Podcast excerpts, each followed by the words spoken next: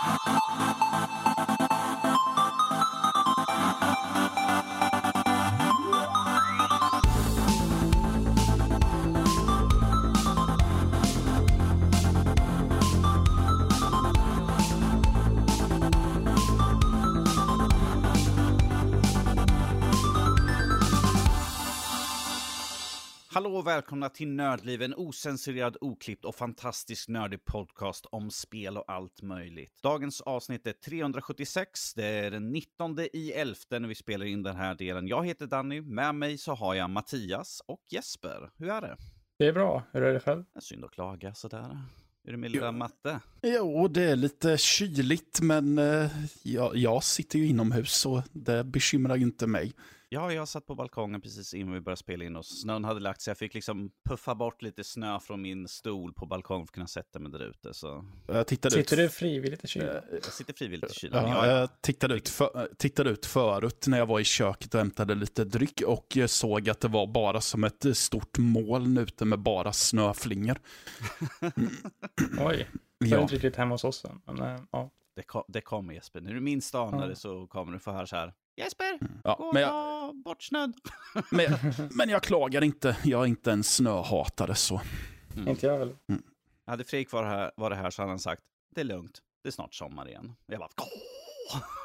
Ja, ja. Sluta hoppa över de viktiga sakerna här. Alltså, han, han har ju inte fel, det, så är det ju. Nej, nej, nej, nej. Och då Mm. säger jag så, ja men, då, men efter det så är det snart vinter igen. Han bara, ja, ja, men sen är det sommar igen. Jag bara, åh, Mm. En sån dag. I dagens avsnitt så kommer vi ta upp nyheter, vad vi har spelat, som till exempel Dark Picture, Anthology, Devil in Me. Vi kommer prata såklart om God of War, Ragnarök och så kommer vi prata, prata lite Pokémon. Vi måste ju fånga allihopa, så vi måste ju ha med någonstans till att fånga lite saker i delarna. Eh, nyheter kommer vara lite blandat, som sagt. Vi har ju alla alla tre har ju plockat nyheter, men vi har inte sagt till varandra vad det är för nyhet. så det blir en överraskning. Det är alltid kul och spännande att få liksom någonting slängt i ansiktet och ge en respons på det. Jag skulle bara önska att jag hade några riktigt obskyra nyheter som ni bara, äh, jag vet inte hur jag ska svara på det här. Äh, äh, äh. Men det märker vi ifall någon har den nyheten, vi blir lite förvånade. Så. Men vi kan ju faktiskt börja med lite nyhet. Är det någon som känner sig att de har en nyhet som de verkligen vill ta upp? Så liksom att det här är en, liksom en starter-nyhet. Jag kan ta en här. Yes. Eh, det är nämligen så att eh, Yuji Naka, Sonics, eh, en av de som var med och skapade Sonic från början, har blivit arresterad Mm. på grund av att han har eh, eh, heter det, fått information om ett mobilspel som heter Dragon Quest Tact och tydligen typ eh, fått liksom, det har blivit väldigt, liksom här, han har gjort någonting med det här så det liksom blev att han spred information om det här och på typ svarta marknaden och han hamnade i fängelset då. Det är ju även han som skapade då Nights into Dreams eh, och typ eh, det senaste då Balan Wonderworld som vi vet gick lite sådär mindre bra. Jag tror, jag tror Eh, att det det finns en anledning varför han behövde pengar. Sådär. Ja, han blev ju helt av, han, direkt efter bandet Wonderworld i princip så blev han ju avskedad från Square Enix. Så det var väl lite som att han tog hämnd skulle jag tänka med att han eh, gjorde den här grejen mot det, var ju, det är ju Square Enix-spel då, Dragon Quest Tact. Jag tänker att det är någon, någon slags hämndgrej, men det gick inte så jättebra för honom och nu vet jag inte alls om han kan göra någonting efter detta liksom. Det är nog ganska mörkt för honom tror jag. Mm. Det känns Men ju ja. som, ett, eh, som en grej som svärtar ner CVt ganska ordentligt. Oh ja, Ja. det gör det. Eh, Mm. Bara för att förtydliga, det här är ju en insideraffär där han har hade vetskap om att det här Dragon Ball-spelet skulle släppas, då han och två andra, två andra som också är före detta Square-anställda, hade köpt upp massvis med aktier på Square, för att när de utannonserar någonting så brukar aktierna stiga, och sen när de ser att aktierna nu har de planat ut så brukar man ju sälja för de har ju tjänat en ganska fet summa. Eh, Så det är där han uppenbarligen har blivit arresterad. Det har inte kommit ut exakta information om hans arrestering. De två andra är i alla fall sagt att de är arresterade för det. Det är bara sagt att han är bara arresterad än så länge, inte för vad han är arresterad för. Eh, Han kanske bara är arresterad för skojs skull. Äh, vi hade han inget för oss nej, ändå. nej, då, polisen spelade Balan Wonderland och de bara, ah, vi måste arrestera honom, det här är ju löjligt. Ja, alltså, ja det är säkert det. Alltså, Balan Wonderworld spelades av för många spelare så att Ja. min såg hur extremt dåligt det spelet var så att han behövde liksom direkt hamna i finkan för det. Det, det, det är kriminellt dåligt spel. Alltså. Mm. Jag har ju kört lite grann och det, är inte bra. Eh, Det här ska ju utspela sig eh, när han håller på att arbeta med Ballan Wonderland. Uh, Wonderworld. Wonderworld. uh, samt, samtidigt där runt omkring så att uh, han blev ju bortplockad som anställd där precis innan ju de avslutade spelet. Så att det kan ju vara att de hade upptäckt det precis innan. Och nu har de liksom mm. kommit lite längre fram med de rättsliga delarna. Att han faktiskt har blivit arresterad. För att tydligen har eh, samarbetat Square med polisen för att utreda det här. För att det ser inte bra ut för Square heller ju sådär. Att de har anst en anställd och då för två stycken före detta anställda som gör insideraffärer med deras aktier. Det ser inte så bra ut. Men Nej. ifall det kommer fram att det här är sant, han kommer ju aldrig arbeta mer inom spelindustrin i så fall. Ja. Nej. Ja, jag kan väl ta nästa nyhet då yes. med en gång. Uh, Chris Hemsworth ska tydligen uh, ta en paus nu för han har lite komplikationer med uh, Alzheimers. och ja, det är han då som har varit med bland annat som Tor i Tor Love and Thunder bland annat som senast och nu verkar det som att han har fått Alzheimer som jag fattat det rätt och ja. Yeah. uh, nej, nej, det är inte så. Det var att hans uh, farförälder hade fått. Um, Okej, okay, jag tänkte säga, jag bara Alzheimers, han är inte lite ung Nej, sådär, jag tänkte jag, det lät lite konstigt. Men det var hans uh, farförälder som hade fått Alzheimers och nu tar han lite break då för att spendera lite tid med sin familj och ja, återhämta sig liksom från det. Och kanske inte spela in något på lite tag nu. Men ja, det var ungefär det om det. Jag vill inte säga så mycket mer än, ja, kanske inte vänta er Chris Hemsworth på lite tag. Mm. Eh, sen har jag även en till, och den sista nyheten jag har också att uh, Bayonetta 4 kanske har blivit eh, kanske lite så här accidentally bekräftat av Hideki Kamiya i en intervju eftersom att många vet det, kommenterade på att de inte tyckte om slutet på Bayonetta 3 så sa han i en intervju att ja, ah, eh, vänta bara tills ni får se Bayonetta 4 för ni kommer bli ganska förvånade. Och så bara, okej, okay, det har, kom, det har bekräftat Bayonetta 4 nu.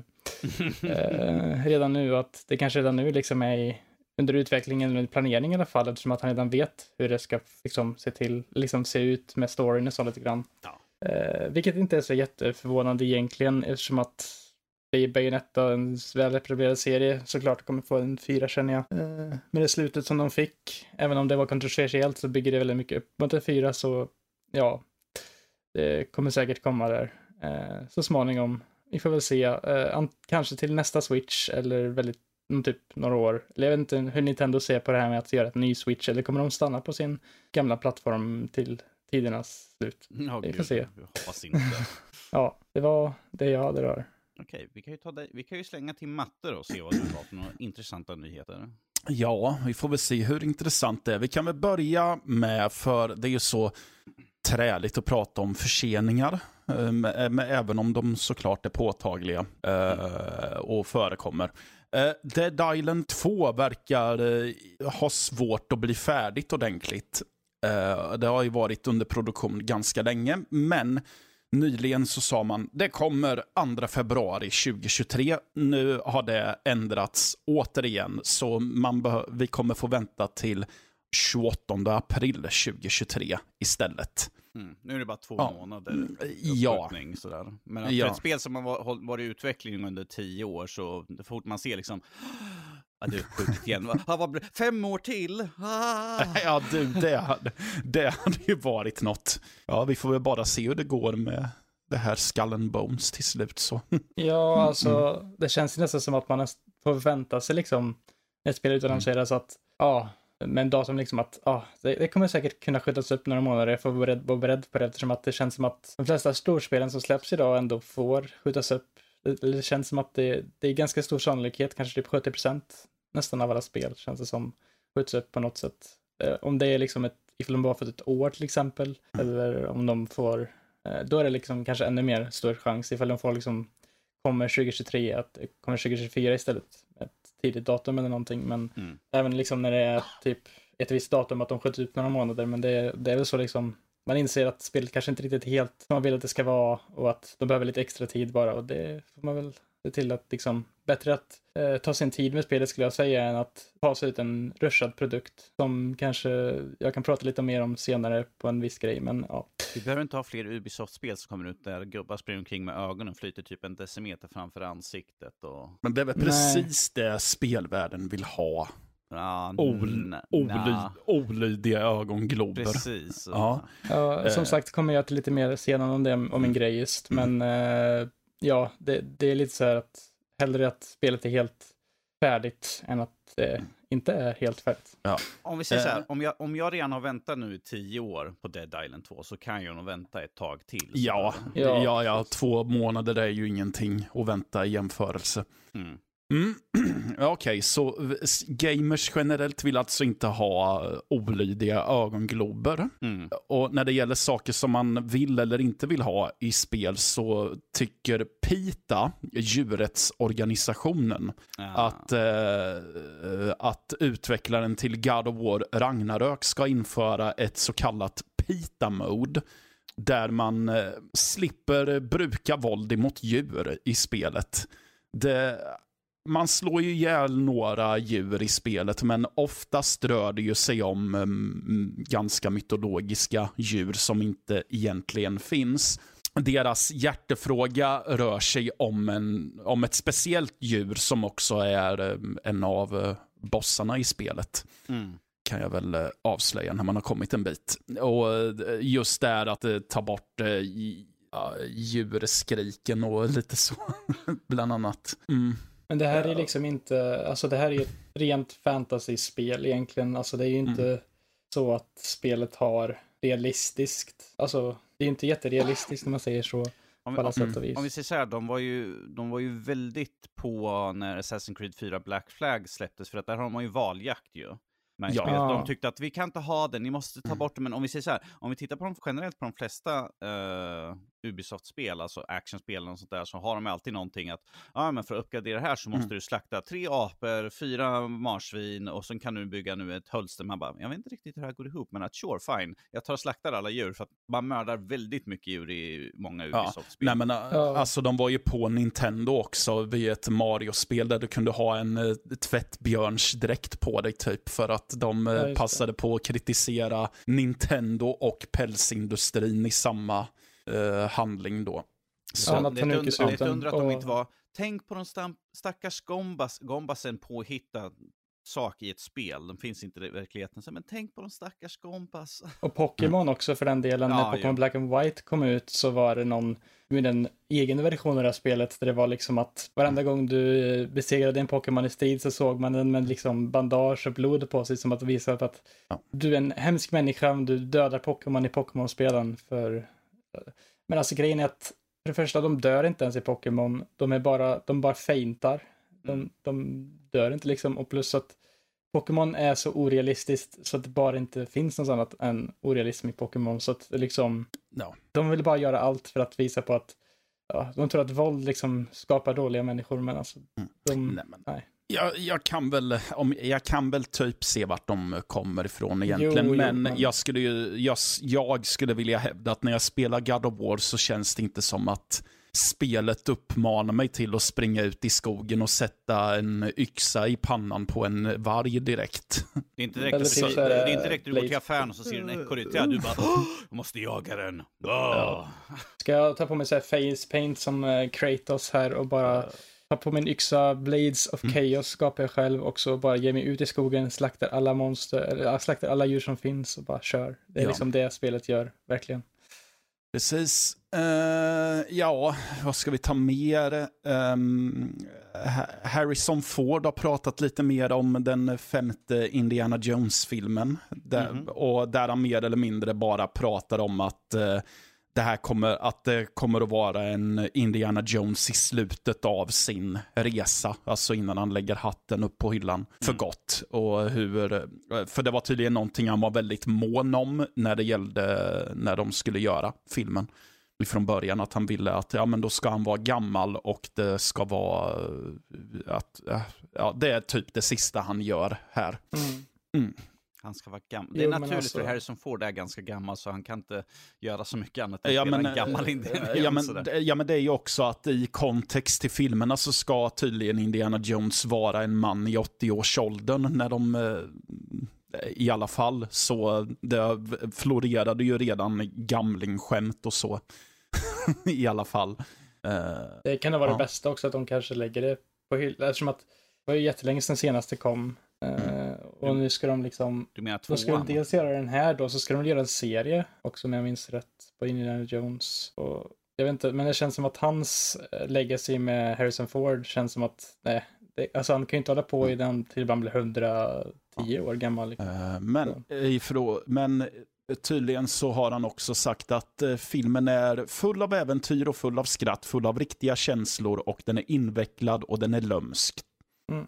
Mm. Jag har hört väldigt mycket rykten om den här filmen och jag är väldigt skeptisk på att om de saker jag har hört stämmer så kommer det inte vara en film jag går och se i alla fall. Sådär. Eh, Jag har inte Ja. hört någonting eh, Nej, om den i stort sett. Eh, Ja, men alltså, jag jobbar lite så ibland att jag tänker att på sistone så har jag kommit till insikten att ibland mår saker och ting bättre om jag vet så lite om dem som möjligt.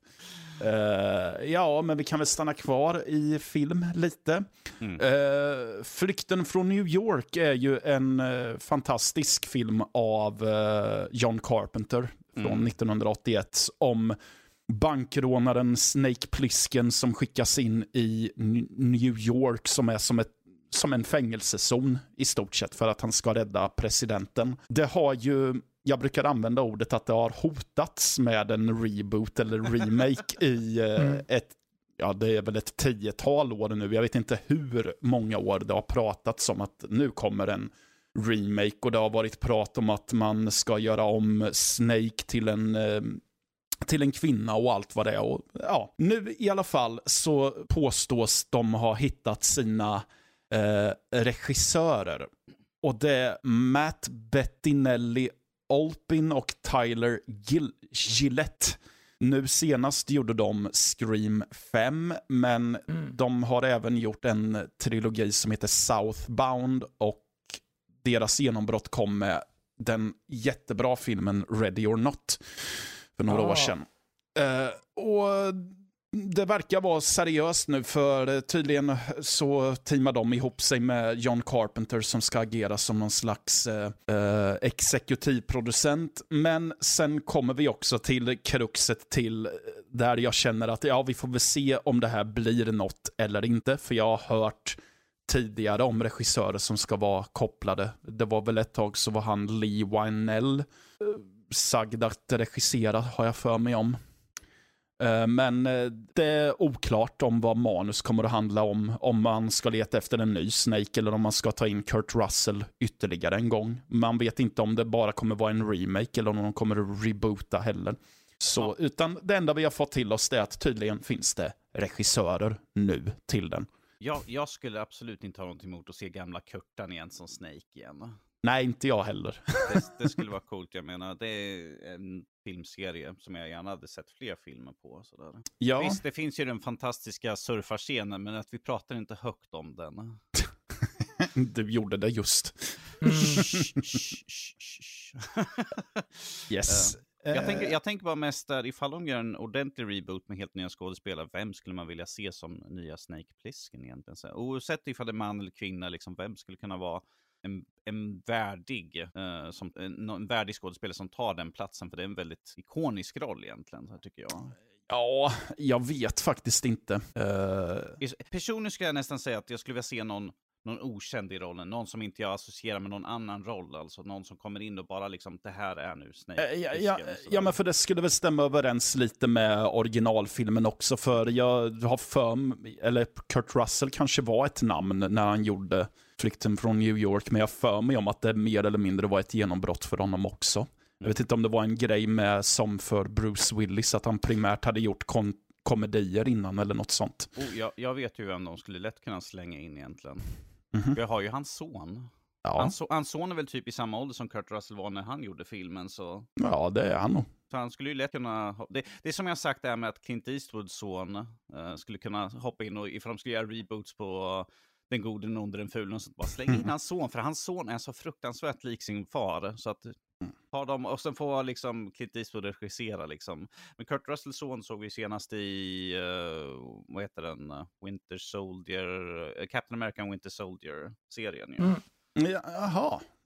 Men är det Captain Falcon? Eller inte Captain Falcon, Falcon and the Falcon? Ja, Falcon Winter Soldier, ah, ja men skitsamma. Precis. Ja. Captain America. Eh, där vi såg honom senast i alla fall. Mm.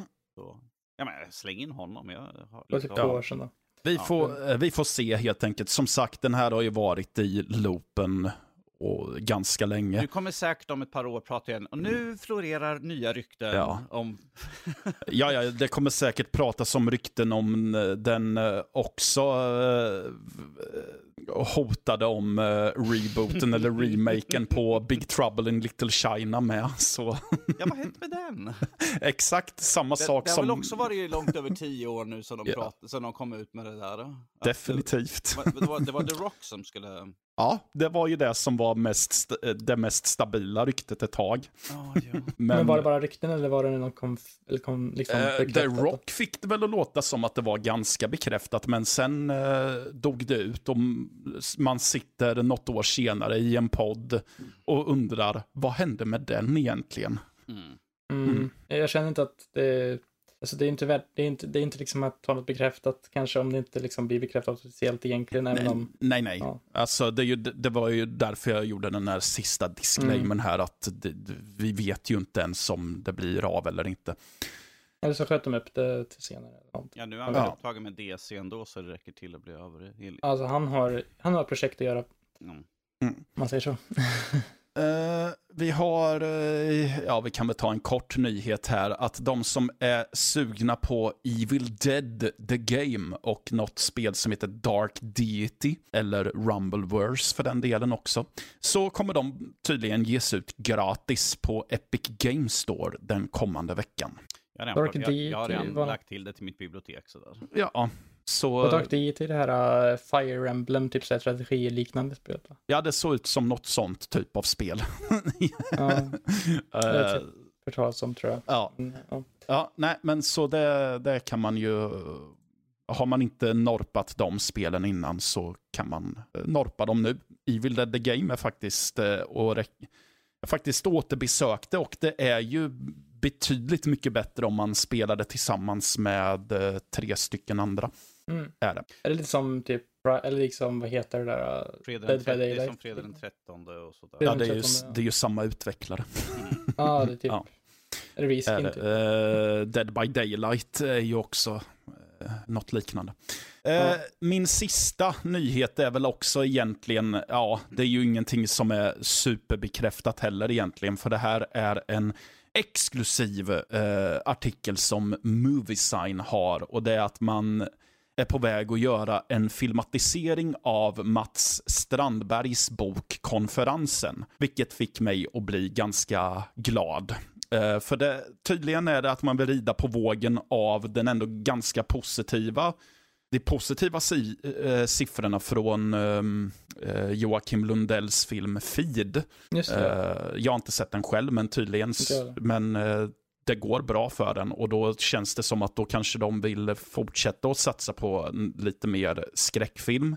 Eh, konferensen är eh, vi kan väl säga att det är en, sl en slasherfilm i fredag den 13 som möter The Office ungefär.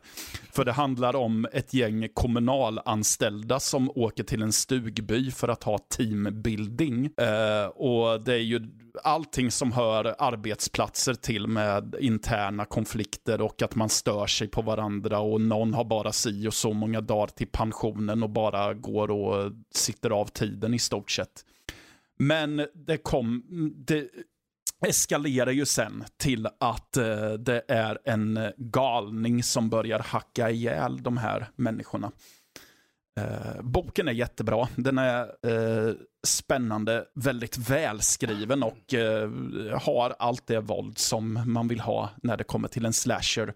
Men också ett väldigt bra karaktärs karaktärsarbete. Han är väldigt bra på det, Mats Strandberg. Ehm, men det som gör att jag, nu kommer vi till det här med disclaimers igen. Mm. Eh, det påstås i den här artikeln att inspelningarna redan ska vara igång, men man har inte offentliggjort vare sig regissör eller skådespelare. Mm. Eh, plus att man också ska ha i in mind att eh, den enda av eh, Strandbergs verk som har blivit film är en, eh, är en som heter Cirkeln som han gjorde med Sara Bergmark Elfgren. Den har filmatiserats. Det kommer jag ihåg. Ja, men sen har vi ju till exempel också en jättebra bok av honom som heter Färjan. Har det är ett manus som åkt hela jorden runt, men det har inte bekräftats något där. Eh, och han har en, ja, och han har två andras, Hemmet och Slutet, som är, såld, som är sålda till länder, men det har aldrig bekräftats någonting. Han brukar vara väldigt så här koncis i sina titlar, liksom. Ja. Hemmet, sluten, konferensen, cirkeln. Alltså att liksom ett, ett ord som är liksom är ja. ett, ja, Och hans eh, senaste subjekt, bok, liksom. ja, och hans senaste bok heter Pestkung. Mm. Ja, jag tänkte inte när du sa det, typ så här, konferensen, tänkte jag typ så här, det är inte slasher tänkte jag. Men eh, ja, Ja, ja, okej. men det... finns inget bättre för ja. teamwork än en galen mördare. Ja, Ja, men precis, eh, det- om inte filmen kommer så kan jag ju rekommendera folk att läsa boken eller lyssna på en ljudboksvariant för den är väl värd och tiden, tycker jag. Oh my god, har vi, Mm. bokres- har vi bokrekommendationer i podden? Så här? Ja, Alltså, det, Det är jag, länge sedan vi hade något jag, sånt. kan, jag, jag skulle ju kunna införa bokrekommendationer som ett segment eftersom att jag faktiskt läser böcker gan- på en hyfsat koncis basis. Eh, Mina skulle, vara, mina skulle bara bli så här Assassin's Creed-böckerna och Stephen King eller Dean Kuntz böcker skulle jag bara komma med rekommendationer för. Eh, Ja, men alltså mina skulle ju typ bara vara inom skräckgenren och framförallt inom en eh, subgenre som jag har förstått som finns nu som heter splatterpunk. Där allting, ja men det, det är allt våld och all eh, som är, ehm, det är bara våld och depravering i stort sett. Men det finns väldigt bra grejer där också. Nej, synd att klaga, vet du. Ja, Jag har exakt förresten så. läst väldigt lite skräck just. Så Ja, det kanske borde vara intressant. Jag har inte lä- alltså skräck i läsform, det kanske är någonting man borde Ja, Alltså, sk- skräck i läsform är faktiskt eh, någonting jag kan, kan rekommendera, för det är ett eh, medium som passar, eh, just böcker är ett medie som passar skräck väldigt bra, tycker jag. Mm. Mm. Jag vill ju läsa lite Stephen King någon gång, så Ja, det finns, Mm. eh, det finns en hel del guldklimpar, men det finns också mycket som är konstigt och inte så jättebra också. Mm. Men det var allt jag hade att bjuda på. Nu ska jag sluta prata om böcker. Jaså, okej. ja, bok, bokpodd i framtiden. Va? Ja, jag, får, ja, jag får skaffa mig en bokpodd där jag bara får prata av mig om allt jag läser. Är, är det den Nödliv presenterar, Mattes bokhörna? Ma- Mattes bibliotek. Precis. Ja, Mm. Yes, då tar vi hoppar över till mig då. Jag tar lite här. Vi, vi har nu, för första gången så kommer spelmusik att nomineras till uh, Grammy. ja. Vad då för soundtrack? Eh, vi har, eh, det här är alltså för nästa Grammy-gala som är den 65. Och vi har eh, musik från till exempel Aliens Fireteam Elite, Assassin's Creed Valhalla Dawn of Ragnarök, Call of Duty Vanguard, Marvels Guardians of the Galaxy och Old World. Um. Okej, jag har ingen riktig koll på de soundtracksen. Eller förutom typ Guardians of the Galaxy dock, men det är ju mest typ 80-talsmusik ändå så. mm. eh, ja.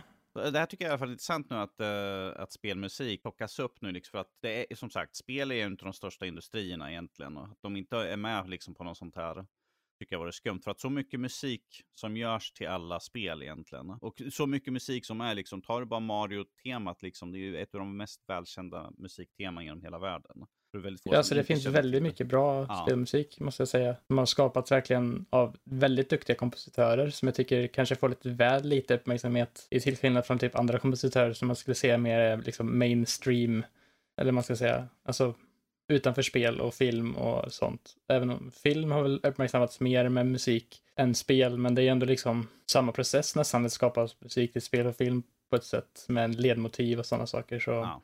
ja, Eh, det är de- de- kul att det blir lite mer. De har, de har ju nu att musiken som är med och nomineras, eh, det måste ha släppts som ett faktiskt album.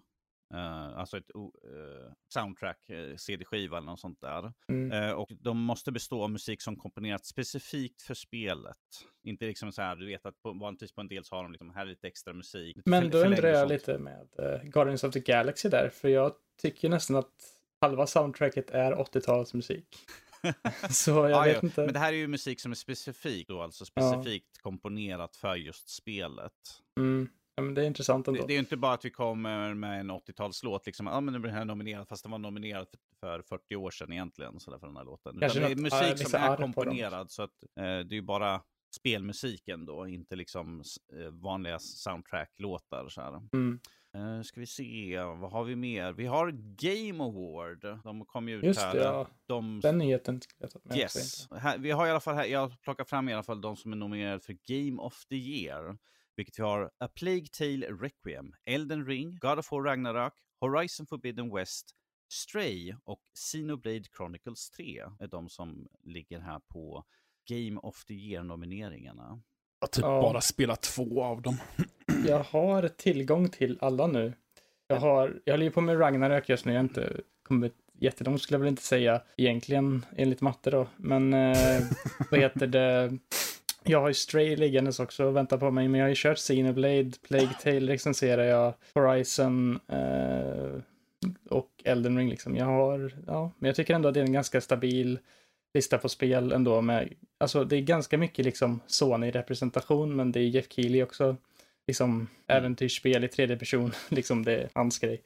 Ja. Känns eller det känns lite så här, ja, det är en grej som är ofta på, eh, vad heter det, de här mässorna, men att typ Xenoblade Chronicles 3, som hittills är mitt Game of the Year, ändå liksom ett JRPG nominerat till Game of the Year har jag nog inte sett på det sättet förut. I alla fall inte ett spel som inte är Final Fantasy. Ja. Eh, så det är kul tycker jag. Mm. Jag har, mm, de första fem eh, har jag tillgång till. Kan jag spela nu på direkten, kan jag bara vända mig om och Du kan spela. inte köra Xenoblade. Men Fredrik har ju det, så att jag, Ja. det väl ifall jag skulle liksom bara, Fredrik, kan jag få låna din Switch? Ja, det känns svårt att säga det, jag ska, jag ska hålla, sitta och hålla på med en Switch.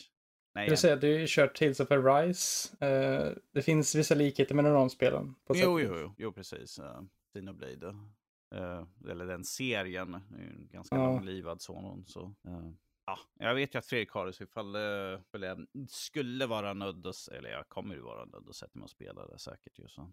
Men som sagt, jag och Fredrik brukar alltid ha någon sån här spelstund inför vårat egna Goti, där vi brukar sätta oss tillsammans och köra ifall någon har respektive spel. Som till exempel, jag har ju ett av mina spel som jag har är ju Moss 2, eh, Moss Book 2. Mm. Vilket är PSVR, vilket just nu är det väl bara jag egentligen som har det, Ja. tillgång till det. Och det är ett av mina nomineringar för årets spel. Ju, så det är Jag får väldigt svårt. på en Jag får playthrough. ta hit alla som ska vara med i våra Gotia-avsnitt för Ja. komma hem och stå i kö liksom. Så jag får sätta upp Jo. en sån liten grej så får folk gå fram, putsa ur liksom headsets, får alla ta sätta på sig och spela lite grann ur- spelet. Det får nästan bli så alltså. Ja, jo. Eh, Men det här tyckte jag var lite intressant i alla fall att se. Det är ju, ja, som du sa, det är ju väldigt Sony, eh, Sony-tungt det här egentligen ju. eh, Känns det som. Men att, eh, åh gud, jag, tänk, jag tittar på den här listan och tänker jag måste sätta mig och spela Elden Ring en vacker dag. Jag vill inte. Jag tycker- Men eh, jag tycker ändå att, ja, det var väl en utläggning, alltså God of War, Ragnarök och Elden Ring var väl två titlar som man liksom inte mindre än liksom alltså, kunde ja. förvänta sig. För Alltså, att, God of War hade jag nästan räknat med redan på förhand, för att så bra som första spelet var, så är det svårt att se att de inte skulle köra. Elden Mm. Ring efter att det kom ut, när alla ni andra i Nördliv bara pratade om det, liksom, så jag bara, jag tror ifall det kan vara en nominering det här spelet. Och sen läste man all spelmedia världen över, liksom, Åh, Elden Ring, jag bara, fan också. Så, Jag menar jag kommer liksom, eh, spela det. Ja. 10 av 10 för båda spelen, verkligen överallt. Mm. Eh, jag kände inte att det var likadant liksom förra året faktiskt. För att förra året kändes det inte som att det var liksom så här solklara 10 av 10 någonstans egentligen. Takes two var ju väldigt bra, men Mm. det var liksom inte så här, ja, alla sidor gav det liksom 10 av 10 och fick liksom okhyllning liksom världsöver liksom. Så att, ja, det, ja, Ja, det var ganska väntat, men ändå lite kul med lite variation där ändå, även om det var väldigt Sony-dominerat. ja. eh, Men de släpper ju kvalitet, så det är inte så konstigt. Nej, precis. Eh, Jag bara funderar på hur det kommer se ut nästa år. För att som sagt, jag- eh, just nu får man titta på de här titlarna. det är inga dåliga titlar, men liksom God of War, Ragnarok uh, och Elden Ring tror jag är de som kommer ligga högst där på listan. Uh, Bara en ren spekulativ gissning. För att de... God of War, väldigt hype, väldigt populärt. Elden Ring har ju varit liksom en riktig så här genomslag. Där ah, hela Mm. spelmedia har liksom bara pratat om det och liksom bara slängt utmärkelse på det. Så jag tror att striden kommer vara däremellan. Jag skulle inte tro att sätta en slant på vem jag tror vinner. Um, Alltså jag, jag är helt säker på att en av de två kommer vinna. mm. Det finns ingen chans att de andra, liksom, tror jag. Men vem utav de två, det är liksom ganska upp i luften ändå. Ja, ja. Även om jag kanske lite, lite mer att typ Elden Ring kommer vinna bara för att det har mer ändå innovation i spel, spelet liksom. För att God of War, Ragnarök, säkert gå in på lite senare också, att spelet är ganska, liksom, en, det är ju en uppföljare på 2018 och då är det ju liksom väldigt likt i spelmekanik, Då, spel. då, då, då slänger jag tillbaka till dig. Det är ett soulspel, Eldering. Du går och mördar folk, du blir mördad, du sätter dig vid en lägereld, uppgraderar, du går och utforskar lite grann, du blir mördad, du vaknar upp vid en eld igen och så fortsätter du. Så Men jag- innovation. Ja. Jag, Jag jag, menar är att bara har- djävulens advokat här och slänger tillbaka det. Eh, jag tror att båda spelen är, som sagt, Elden Ring är ju ett, typ, är ju ett klassiskt, uh, klassiskt sett uh, Souls-maner där ju. Du går, du har en uh, Bonfire eller något sånt där. Och vi har ju den mekaniken i spelet igenom. Det är bara massa bossfighter och sånt. God of War som sagt, det är en uppföljare på en, på en storspel och såklart kommer det liksom följa väldigt mycket. Men vi kommer få höra utav Matte sen, senare liksom vad, vad lite skillnaden är från första till andra spelet. Men jag har också här liksom, uh, för Jeff Keel han uh, tweetade ut spelen som har mest nomineringar, alltså i olika kategorier. Och högst upp ligger God of War Ragnarök med 10 nomineringar. På andra Ja. plats ligger Elden Ring med 7 nomineringar och sen Horizon Forbidden West med 7 också. Stray har 6 nomineringar och A Plague Tale Requiem har 5. Jag tänker att eh, Ragnarök toppar nog väldigt mycket på grund av nyhetens behag också. Jag menar, det är ju precis skjutet ut ur kanonen. Ja, jo, precis. Så det, Ja. det, det är klart att eh, de som tycker om det är ju väldigt sugna på att hy- hypa upp det nu. Så det blir ju intressant hur det blir om en månad eller när Game Mm. Awards är. Eh, 8 När det har, december. ja, men när Ja. det har lagts, och då är det ju ändå ganska snart. Det är, Det är väldigt snart, Det är ju men, två och eh, en halv vecka. Så. Mm. Ja, jag skulle säga att jag har inte sett så jättemånga som pratat om Elden Ring alls på bra tag nu faktiskt. Så att det, det kanske är det där med som ett recency bias där med att folk kommer nog kanske rösta på God of War bara för att de håller på att spela det just nu och liksom är väldigt inne i det eller liksom har precis klarat ut och liksom, in, liksom haft en väldigt bra tid med det och liksom det här var liksom mitt Game of the Year bara för jag kommer ihåg det bäst liksom. Ja. Så det kommer nog finnas med lite sånt, men ja, ja alltså det kanske lite lut- lutar lite mot det spelet, men ja, vi får väl se helt enkelt. Uh, ja, Plague Tale Requiem är ju också ett sånt spel som har, å andra sidan också, liksom det är ju mycket av första spelet, precis som God of War också, men även om den har lite nya element och sånt i sig också, så är det ju i princip en, väldigt mycket som God of War, en fortsättning på samma spelstory liksom. Mm. Eh, så ja. Ja, det, kan ju inte, det skadar inte heller. Det är samma sak med Horizon Forbidden West också. Det är precis, alltså det är väldigt likt på många sätt. Även om det har nya, lite nya element så är det fortfarande en uppföljare på ett uppföljarevis liksom. Som sagt, eh, och en vecka, sen får vi se liksom vem som tar hem flest priser egentligen. Sådär. Och vem som Mm. faktiskt blir krönd kungen av året så att säga.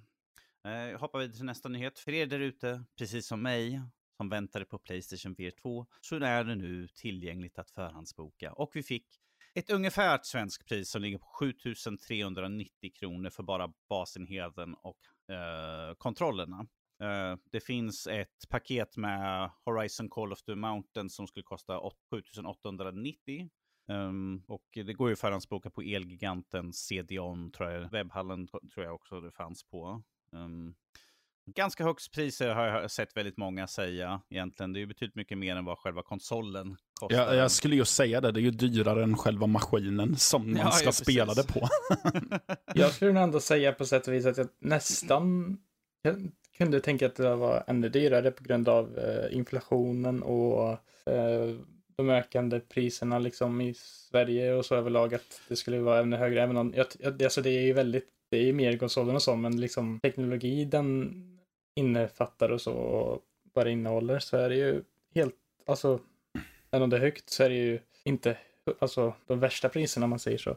Nej, för ri- riktpriset var ju satt för det här i Europa på 600 euro. Eh, men vi har ju Mm. också våran den här elektronikskatten Ja, precis. eh, som tillkommer, vilket lätt och slätt blir att vi får den här 7 500 nästan för bara enheten. Och Kemikalieskatt och sånt. är Precis, och sen nästan 8000 för liksom inklusive spel. Jag har ju förhandsbokat den med eh, Horizon Call of the Mount, för jag tänkte det är kanske kul att ha ett spel så jag kan spela när jag har fått den, som ingen av de gamla PSVR 1-spelen funkar ju till. Eh, det, finns ingen, det finns ingen bakåtkompatibilitet. Det har de redan gått ut med och sagt ju.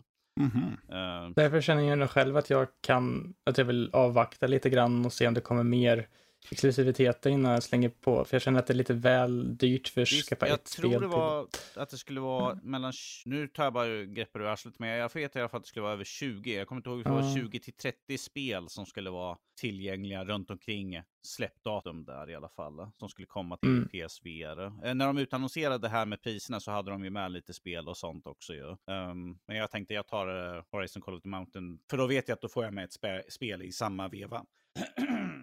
Om du nominerar det får man väl skaffa det. Ja, ju precis.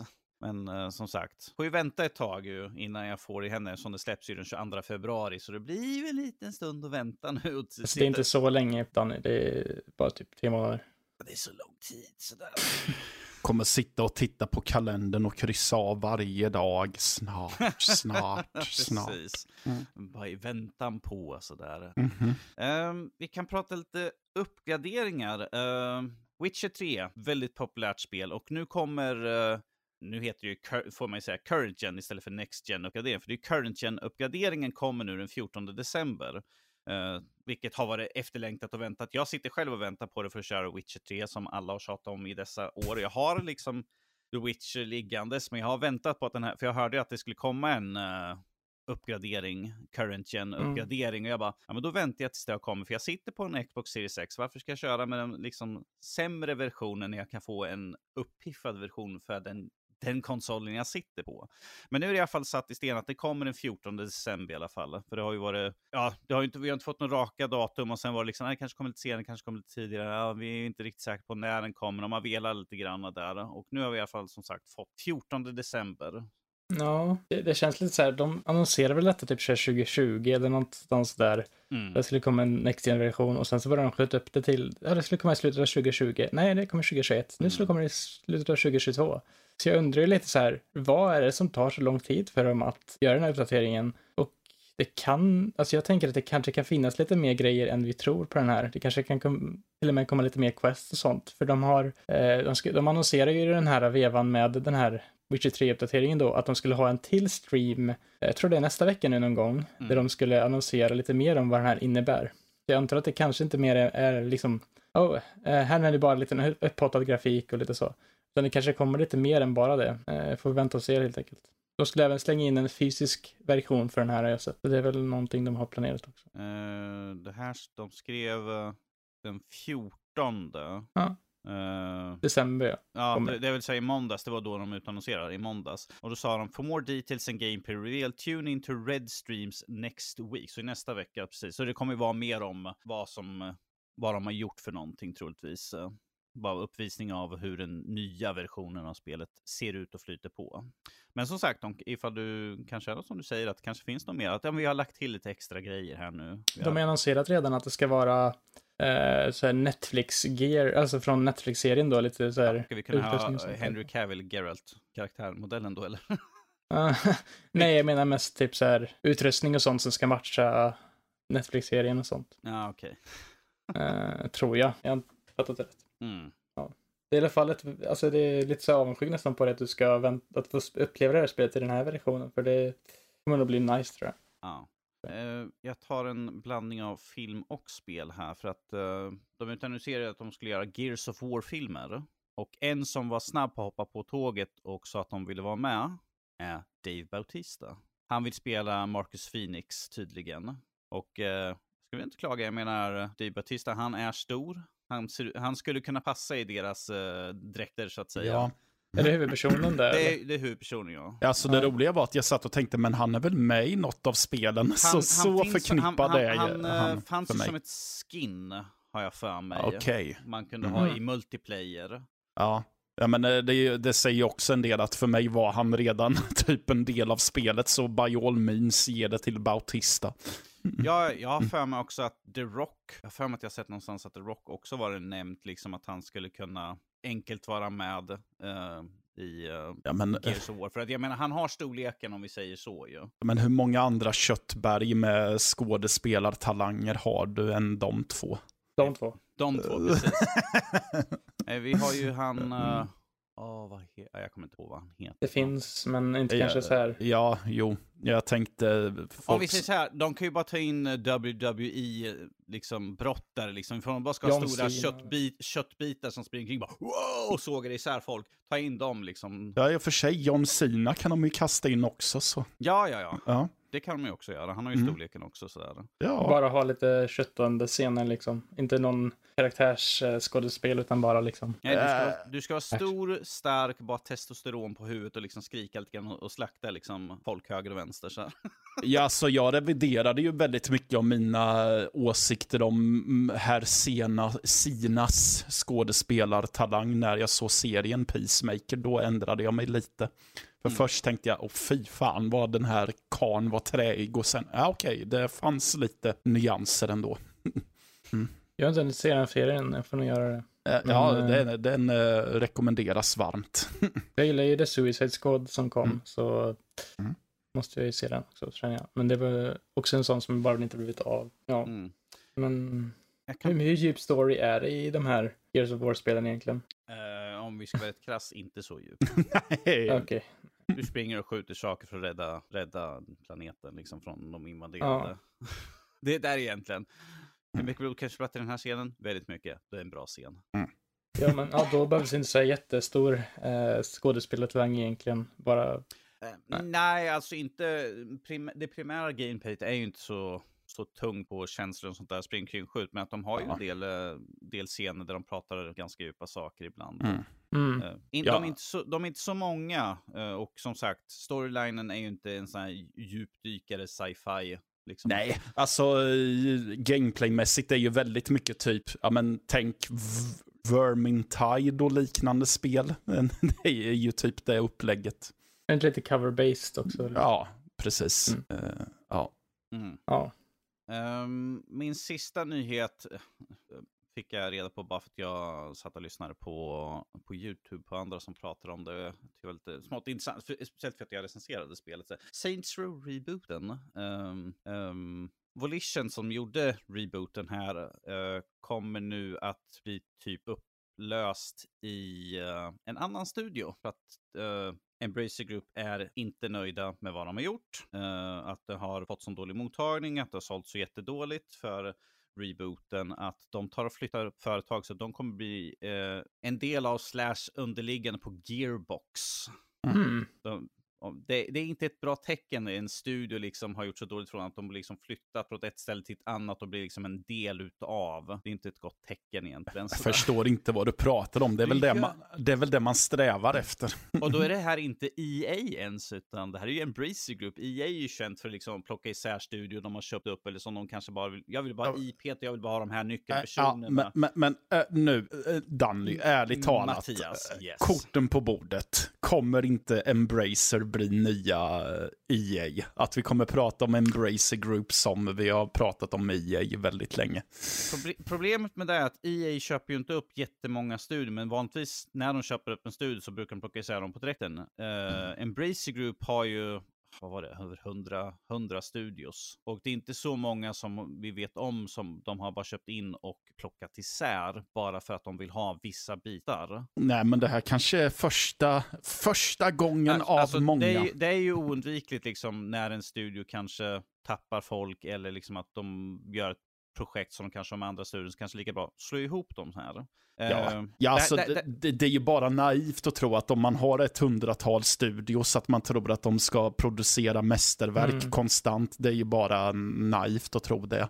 Ja, jo, och Mm. eh, uppenbarligen efter att typ majoriteten av folk avskyr det här spelet, så där, till och med brorsan som spelar, han bara, "Nej, nej, nej. Och han är en Saints Row-spelare, han kört, äh, kört skiten och allihop, han bara, "Eh, nej, nej, det är inte bra det här. Var det inte någon av er två som recenserade det? Jag recenserade. Det gjorde det? Eh, jag har för mig att jag gav det bra köp. Jag har, eh, allt jag har hört när jag har lyssnat på andra som har pratat om det spel, de bara, alla säger det är det mest buggigaste skitspelet, det funkar inte, det startar inte, det är ingenting. Jag bara, jag sitter så här, jag bara, jag hade inga sådana problem. Nej. Jag hade inga, inga grafiska glitchar, inga buggar. Jag hade något fysikproblem, men det var typ ifall jag kör, mm, ibland när jag körde mot någonting så kanske min bil stöts upp 10 meter i luften. Men det var typ de enda Det sakerna. Och kul. det, och det, det hände inte så ofta. Men att jag hade ingen sån här liksom att helt plötsligt hade ansiktena vänts ut och in liksom, eller uh, textur var liksom uh, något annat eller något sånt där. Jag hade inga, jag hade inga sådana problem, varav jag, varför jag gav spelet det betyget det fick.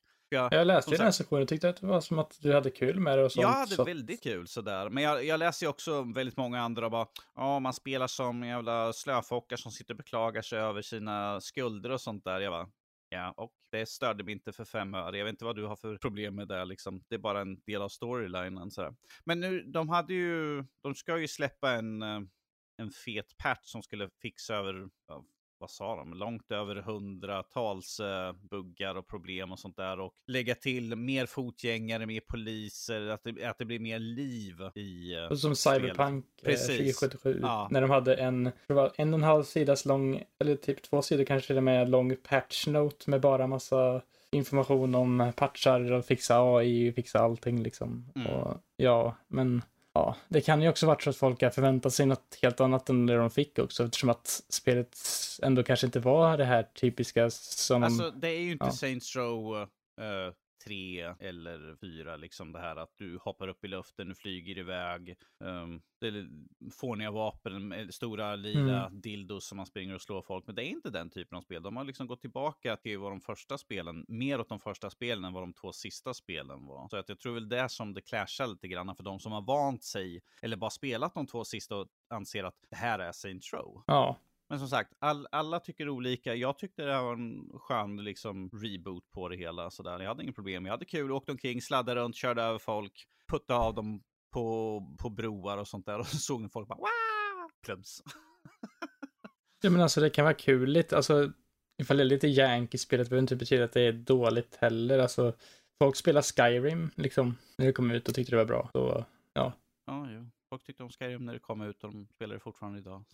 Witcher 3, kanske... äh, Witcher 3 var tydligen ökänt för att mm. vara skitbuggigt när det släpptes första gången också. Så ja. Ja, ja, jo, men det är ju där, det är ju där också många sa när uh, Cyberpunk att de bara, ja men det här är inget nytt, det här, det här vet vi redan om att det, det här var in från studion och liksom, ja men det är inget nytt, det här är ju liksom det som är våra släpp, typ mer eller mindre att vi släpper dem jätte, att de kanske är buggiga för att det är så mycket som är i spelet, men att vi sakta men säkert plockar upp bitarna i patchar och sånt. Mm. Om vi pratar om buggar kanske jag ska gå in med mitt första spel. Uh, jag har pratat om här, uh, tänker jag lika gärna. Jag har ju börjat spela Pokémon Violet till Nintendo Switch som släpptes igår. Uh, den nionde generationen av Pokémon-spel som utspelar sig i Paldea-regionen som är mycket uh, baserat på Spanien. Det är det första Open World Pokémon-spelet där man kan liksom ta vilken, vilken väg man vill och utforska till ja, liksom göra lite vad man vill helt enkelt. Det finns tre huvudstories man kan följa. Man, man är en elev på en skola som ligger i en stad i mitten av, eh, i mitten av eh, regionen då. Och på den här skolan får du uppdrag. Eh, det finns tre huvudstory routes att ta.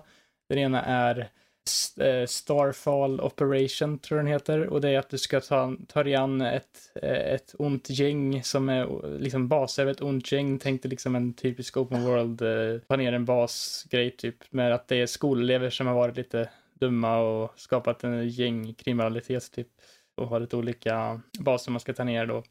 Mm. Och sen även en där du ska, en story som är Path of Legends som är att du ska ta ner typ bossmonster eller boss-Pokémon för att få en eh, slags Herba Mystica heter det till en professor eller till en, eller liksom en, ja, en studerande person som är intresserad av sånt som heter Arven och sen en tredje story som är den typiska Pokémon-storyn. Du ska besegra alla gym i, i, i spelet eh, och du ska möta Elitfyran i slutet tror jag. Eh, tror du möter i alla fall. Eh, och sen, ja, det är väl egentligen det som är huvud grejen, Men det som är skillnad då är att man kan ta alla de här grejerna i vilken ordning man vill. Jag har gjort en av varje i storyn. Jag har gjort en gymstrid, en så här Starfall uh, Operation och en uh, Path of Legends. Och ja, tycker att spelet i sig är ganska kul. Det är liksom, finns Pokémon hela tiden över, överallt som man kan fånga och utforska. Och, uh, det tar aldrig slut, men det är en sak som är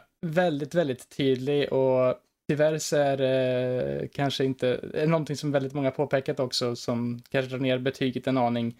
spelet är extremt buggigt när det kommer till grafiska aspekter. Eh, det är pop-in överallt, det är liksom animationer som är jättekonstiga. Att Pokéboll kan stanna i luften, du kan bli osynlig när du kastar iväg en Pokéboll. Du liksom ser under marken som att det är liksom en prototyp ibland och det ser väldigt liksom suddigt ut och det är väldigt buggigt på det sättet och det är, jag tror det har mycket med att göra att Pokémon har verkligen så här konkreta deadlines. De måste bli klara till det här datumet för att de ska sälja till Black Friday och julruschen och allt sånt där liksom.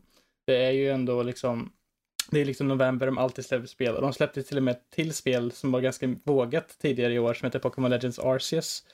Eh, som mångt och mycket har ganska mycket element som är, vad heter det, i det här spelet också. Men för varje, varje steg framåt i Pokémon Scarlet och Violet på vissa saker så är det ett steg tillbaka också. Eh, du kan smyga på samma sätt i båda spelen och så, men i Pokémon Legends Arceus så kan du kasta pokébollar och fånga Pokémon utan att behöva strida med dem varenda gång. Mm. Vilket gav ett ganska mycket mer naturligt flöde tyckte jag till spelet. Alltså liksom att, ja, du kan bara fånga den här Pokémon, gå vidare, strida när jag vill och sen, ja, gör liksom, ja, det är så. Här måste du strida mot alla Pokémon först innan du kan ta ner dem och du måste gå in och säga turn-based strid varenda gång och det känns som att det är ganska traggligt på det sättet jämförelse. Fortfarande ganska nice bara att utforska men det, det, är en liten grej som stör mig på. Eh, det finns dock en liten mekanik som heter Let's Go eh, och den är att du kan kasta ut en Pokémon så att den strider mot en, en vild Pokémon utan att du behöver göra en kommandon utan det bara liksom strider mot den. Det där kan du använda för att ta ner Automatiserad strid mer eller mindre. Ja, liksom en automatiserad strid. Uh, och det, ja, det kan man använda ibland när man liksom bara vill grinda en Pokémons level och så. Men jag, tycker, jag tycker om spel som har liksom autoplay när man vet att ah, men jag är så mycket överlevlad. Jag, vill bara, jag ska bara grinda, jag vill bara autoplay, sen tar man lägger från kontrollen och bara... Ah, nu vann jag. Okej, XP, tack så mycket. Mm, det ska bli intressant att se sen hur spelet balanserar sig själv till detta. För jag har hört lite från andra som spelat mycket längre än jag att det kanske är så att gymstrider och sånt ändå har en liksom en predetermined, liksom förbestämd level på sig så att du måste egentligen, alltså du kan ju gå vilken ordning du vill men den här kanske är typ level 50 i det här gymmet medan du är level 25 och då kanske det inte går jättebra att ta det här. Sen måste du grinda för ändå så det skulle egentligen ta det här gymmet först för att då går det liksom, det blir lite railroad. Det, det kanske är som gamla Megaman-spel att det är liksom, du ska ta Cutman först för sen ska du kunna ta den här gubben för att kunna ta den. Att det egentligen finns ett förvalt för att göra mm. enklast, mm. enklaste rutten egentligen i spelet. Man, man, du kan om man vill gå fritt. Jo, jag tror att det är så. Jag tänker typ i min spelområde att jag ska typ liksom ha dem som är närmast varandra hela tiden, liksom så att jag går en cirkel runt landet. Typ. Medan jag är i uh, närheten kan jag ta det här gymmet eller vad? Ja, precis. Jag bara liksom går en cirkel runt landet och ser vad jag tar mig. Och om det inte går så får jag väl grinda eller någonting. Ja. Men ja, eh, det är mycket grafiska byggare, men jag har fortfarande väldigt kul med den så länge jag körde lite med kompisar, går vi skrattar mest mycket och buggar också. Det är lite en kul grej också. Det, när det inte är game breaking tycker jag inte det är så jättefarligt egentligen. Jag har ju sett folk på Twitter som har buggat ur kartan och sånt, men det är ingenting som hänt med mig än. Uh, i alla fall. Jag tycker det är illa ställt att säga än. ja, men alltså jag har ju inte kört, alltså jag har ju inte kommit så långt i spelet än. Kom ut igår också, men uh, vad heter det? En intressant sak dock tycker jag är att hur uh, du kan ta dig under spelet också. Att I början av spelet så kommer du, redan i början av spelet då så får du din legendariska Pokémon. Mm.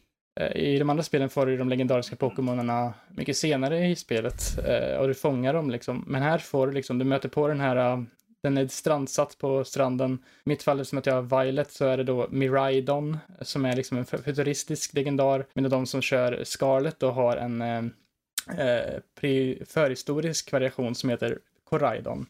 Och eh, liksom det börjar ju med att då du ska liksom eh, muntra upp den här och få den här till liv igen efter den har strandsats och du, då kunde du rida runt på den eh, och så. Och ju mer du spelar desto mer förmågor med den här kommer du låsa upp. Till exempel att du kan dasha med den och du kan flyga runt med den och du kan simma med den och massa sånt. Mm. Men det är liksom din eh, huvudsakliga transportmedel är då den här eh, legendariska Pokémonen du får. Men i alla fall eh, i början av spelet tills, jag tror att det är ganska sent i spelet, så kan du inte strida med den. Den är bara till för transportmedel. För jag tänker att om du kan strida med legendarisk Pokémon i början av spelet, då blir det nog lite obalanserat. Så att mm. det är nog bra att de inte låter den strida med den i början.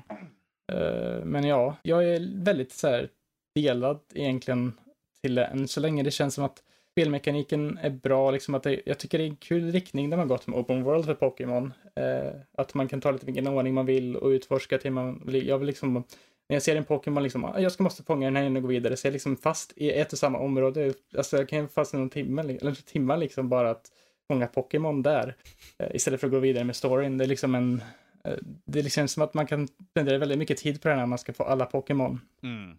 Eh, och eh, ja, på så vis är det rätt intressant. Och det är väldigt många Pokémon jag inte sett förut som uh, dyker upp hela tiden. Så det är alltid ny, liksom, intressant att se. Vad, vad kan jag se här nu i det här området? Och vad kan jag fånga här? Liksom den här upptäckarglädjen finns ju här, men det finns ju liksom de hade behövt arbeta på den här ett par månader till och fixat de här buggarna för det är egentligen, det känns inte som att de har speltestat det här jättebra. Alltså det känns som att ja, vi måste få ut det här spelet nu. Eh, generation 9 väntar. Vi har släppt, vi har haft för många år nu utan en ny generation. Även om vi gjort en Pokémon Legends Arceus i våras så måste vi göra en, och det var, det var då inte en del av en ny generation, det var egentligen ett, en del av generation 8 som då tillhörde Sword and Shield, eh, bland annat, som den var del av då, för det var ingen, det var ingen nya starters och ny region på det sättet. Mm. Eh, så då tänkte de väl att ja, nu har det gått så många år, vi måste få ett nytt. Så att, ja. Men förhoppningsvis så är det här är ju bara buggar egentligen, så ifall de fixar de här buggarna i matcha-patcher, liksom Cyberpunk eller uh, Saints Row Style då, om man säger så, så tror jag att det kan bli ett uh, riktigt bra spel, alltså så sätt. Men även om det är ganska kul att spela bara idag. Men uh, ja, det är väl det jag säger om det. Det är ja. ganska stabilt, men har ändå lite saker som kunde varit bättre när det kommer till det tekniska planet. Ja. Och sen också att det är väldigt, frameraten på spelet är väldigt eh, hackigt konstant. Det känns som att den kan variera från typ 30 FPS till 15 FPS och, och, och, då, är, 10, liksom. och då är det ändå liksom ett Nintendo-spel. Det, det grejen med det är att det är inte riktigt det, för det är Pokémon Company och de är inte riktigt, alltså de, jag vet inte riktigt hur det fungerar om de är ägda av Nintendo faktiskt, för de är inte liksom Nintendo First Party på exakt samma sätt. Även om de alltid är på Nintendo och liksom har ett partnerskap med dem på ett sätt så är de inte, jag vet inte om de liksom är Nintendo på det sättet. För det är ju mm. Pokémon Company och Game Freak är liksom sin egen avdelning. Uh, jag vet alltså Nintendo har ju oftast en ganska, alltså deras första partyspel överlag känner jag eh, har de optimerat väldigt väl till den hårdvaran de har. Eh, ser man på Xenoblade Chronicles 3, eh, liksom eh, ja, eh, Mario Odyssey till exempel, Metroid Dread, Alltså många av de här spelen som är på den här undermåliga hårdvaran har de verkligen optimerat bra, men när det kommer till Pokémon-spel, eh, det är även i Sword and Shield, Legends Arceus också, eh, så har de inte liksom kanske lärt sig liksom utnyttja den hårdvaran. Det kan lite vara med också att jag tror att Pokémon Game Freak då som utvecklar Pokémon-spelen är ganska under, eh, liksom, underbemannade för att vara så stor liksom franchise. Och dessutom så är eh, de har ju alltid utvecklat spel för eh, handhållna enheter tidigare. Mm. Så det kan ju vara det att de är lite så här ovana med det här helt nya kraften ändå som, alltså jämförelse med typ ett 3DS som finns som Nintendo Switch liksom. Uh, och tänker lite så här, de har ju ambitionerna, de, liksom, de, de vet ju vad de vill med spelet, men det kanske är det tekniska som ligger lite efter då. Uh, men ja. Jag, jag, jag satt där och kollade upp nu medan du pratade och uh, Nintendo äger typ 32 procent av ja. Pokémon Company. så att jag tycker att man ser att de inte då har det Eftersom de äger en tredjedel av den studion, att de inte får det liksom finpolerat. Deras. Eh, jag måste bara fråga på ett tekniskt plan, liksom, hur ofta kommer uppdateringar till exempel till Switch-spel och sånt där? För jag vet, God of War har redan fått, jag tror två eller tre redan. Mm, jag fick en idag. Ja. ja. Eh, hur, hur, ofta, hur ofta är det Switch-spel? För jag tänker att det är Nintendo, Nintendo brukar ju ha sin den här seal of approval, liksom Nintendo, att det här spelet släppt, liksom att det är liksom fullt fungerande och ska vara liksom jättebra. Men att är det ofta man får uppdateringar? Jag är bara nyfiken, eftersom jag har en switch och...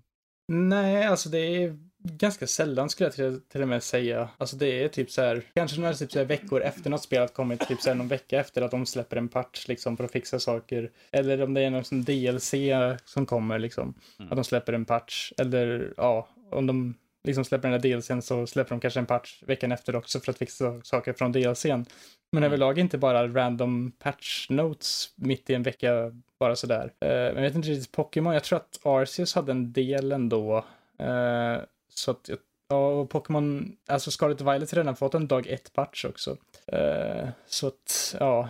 Men jag tror att det känns som att de borde patcha, de behöver ju patcha det mer, helt klart. Så jag hoppas ju att de det, alltså, det finns hur många klipp som helst på Twitter överallt på folk som har klagat på just de tekniska aspekterna. För att jag har nästan sett överallt att folk unisont har sagt att spelen i sig är väldigt stabila när det kommer till spelen. Men när det kommer till det tekniska, att det liksom funkar inte riktigt eh, för dagens mått. Att det ska vara så här. Eh, men ja, Okej. eh, förhoppningsvis så patchar de saker. Ja, okej. Ja, men då är det i alla fall skönt att de kanske inte har lika Jag kommer ihåg, jag recenserade det här Remothered Broken Porcelain. Jag tror att det någonstans 10 och 20 uppdateringar innan eh, jag släppte, som jag fick under tiden jag recenserade spel, som jag fick innan jag släppte min recension, så hade jag väl någonstans mellan 10 till 20 uppdateringar på det här spelet.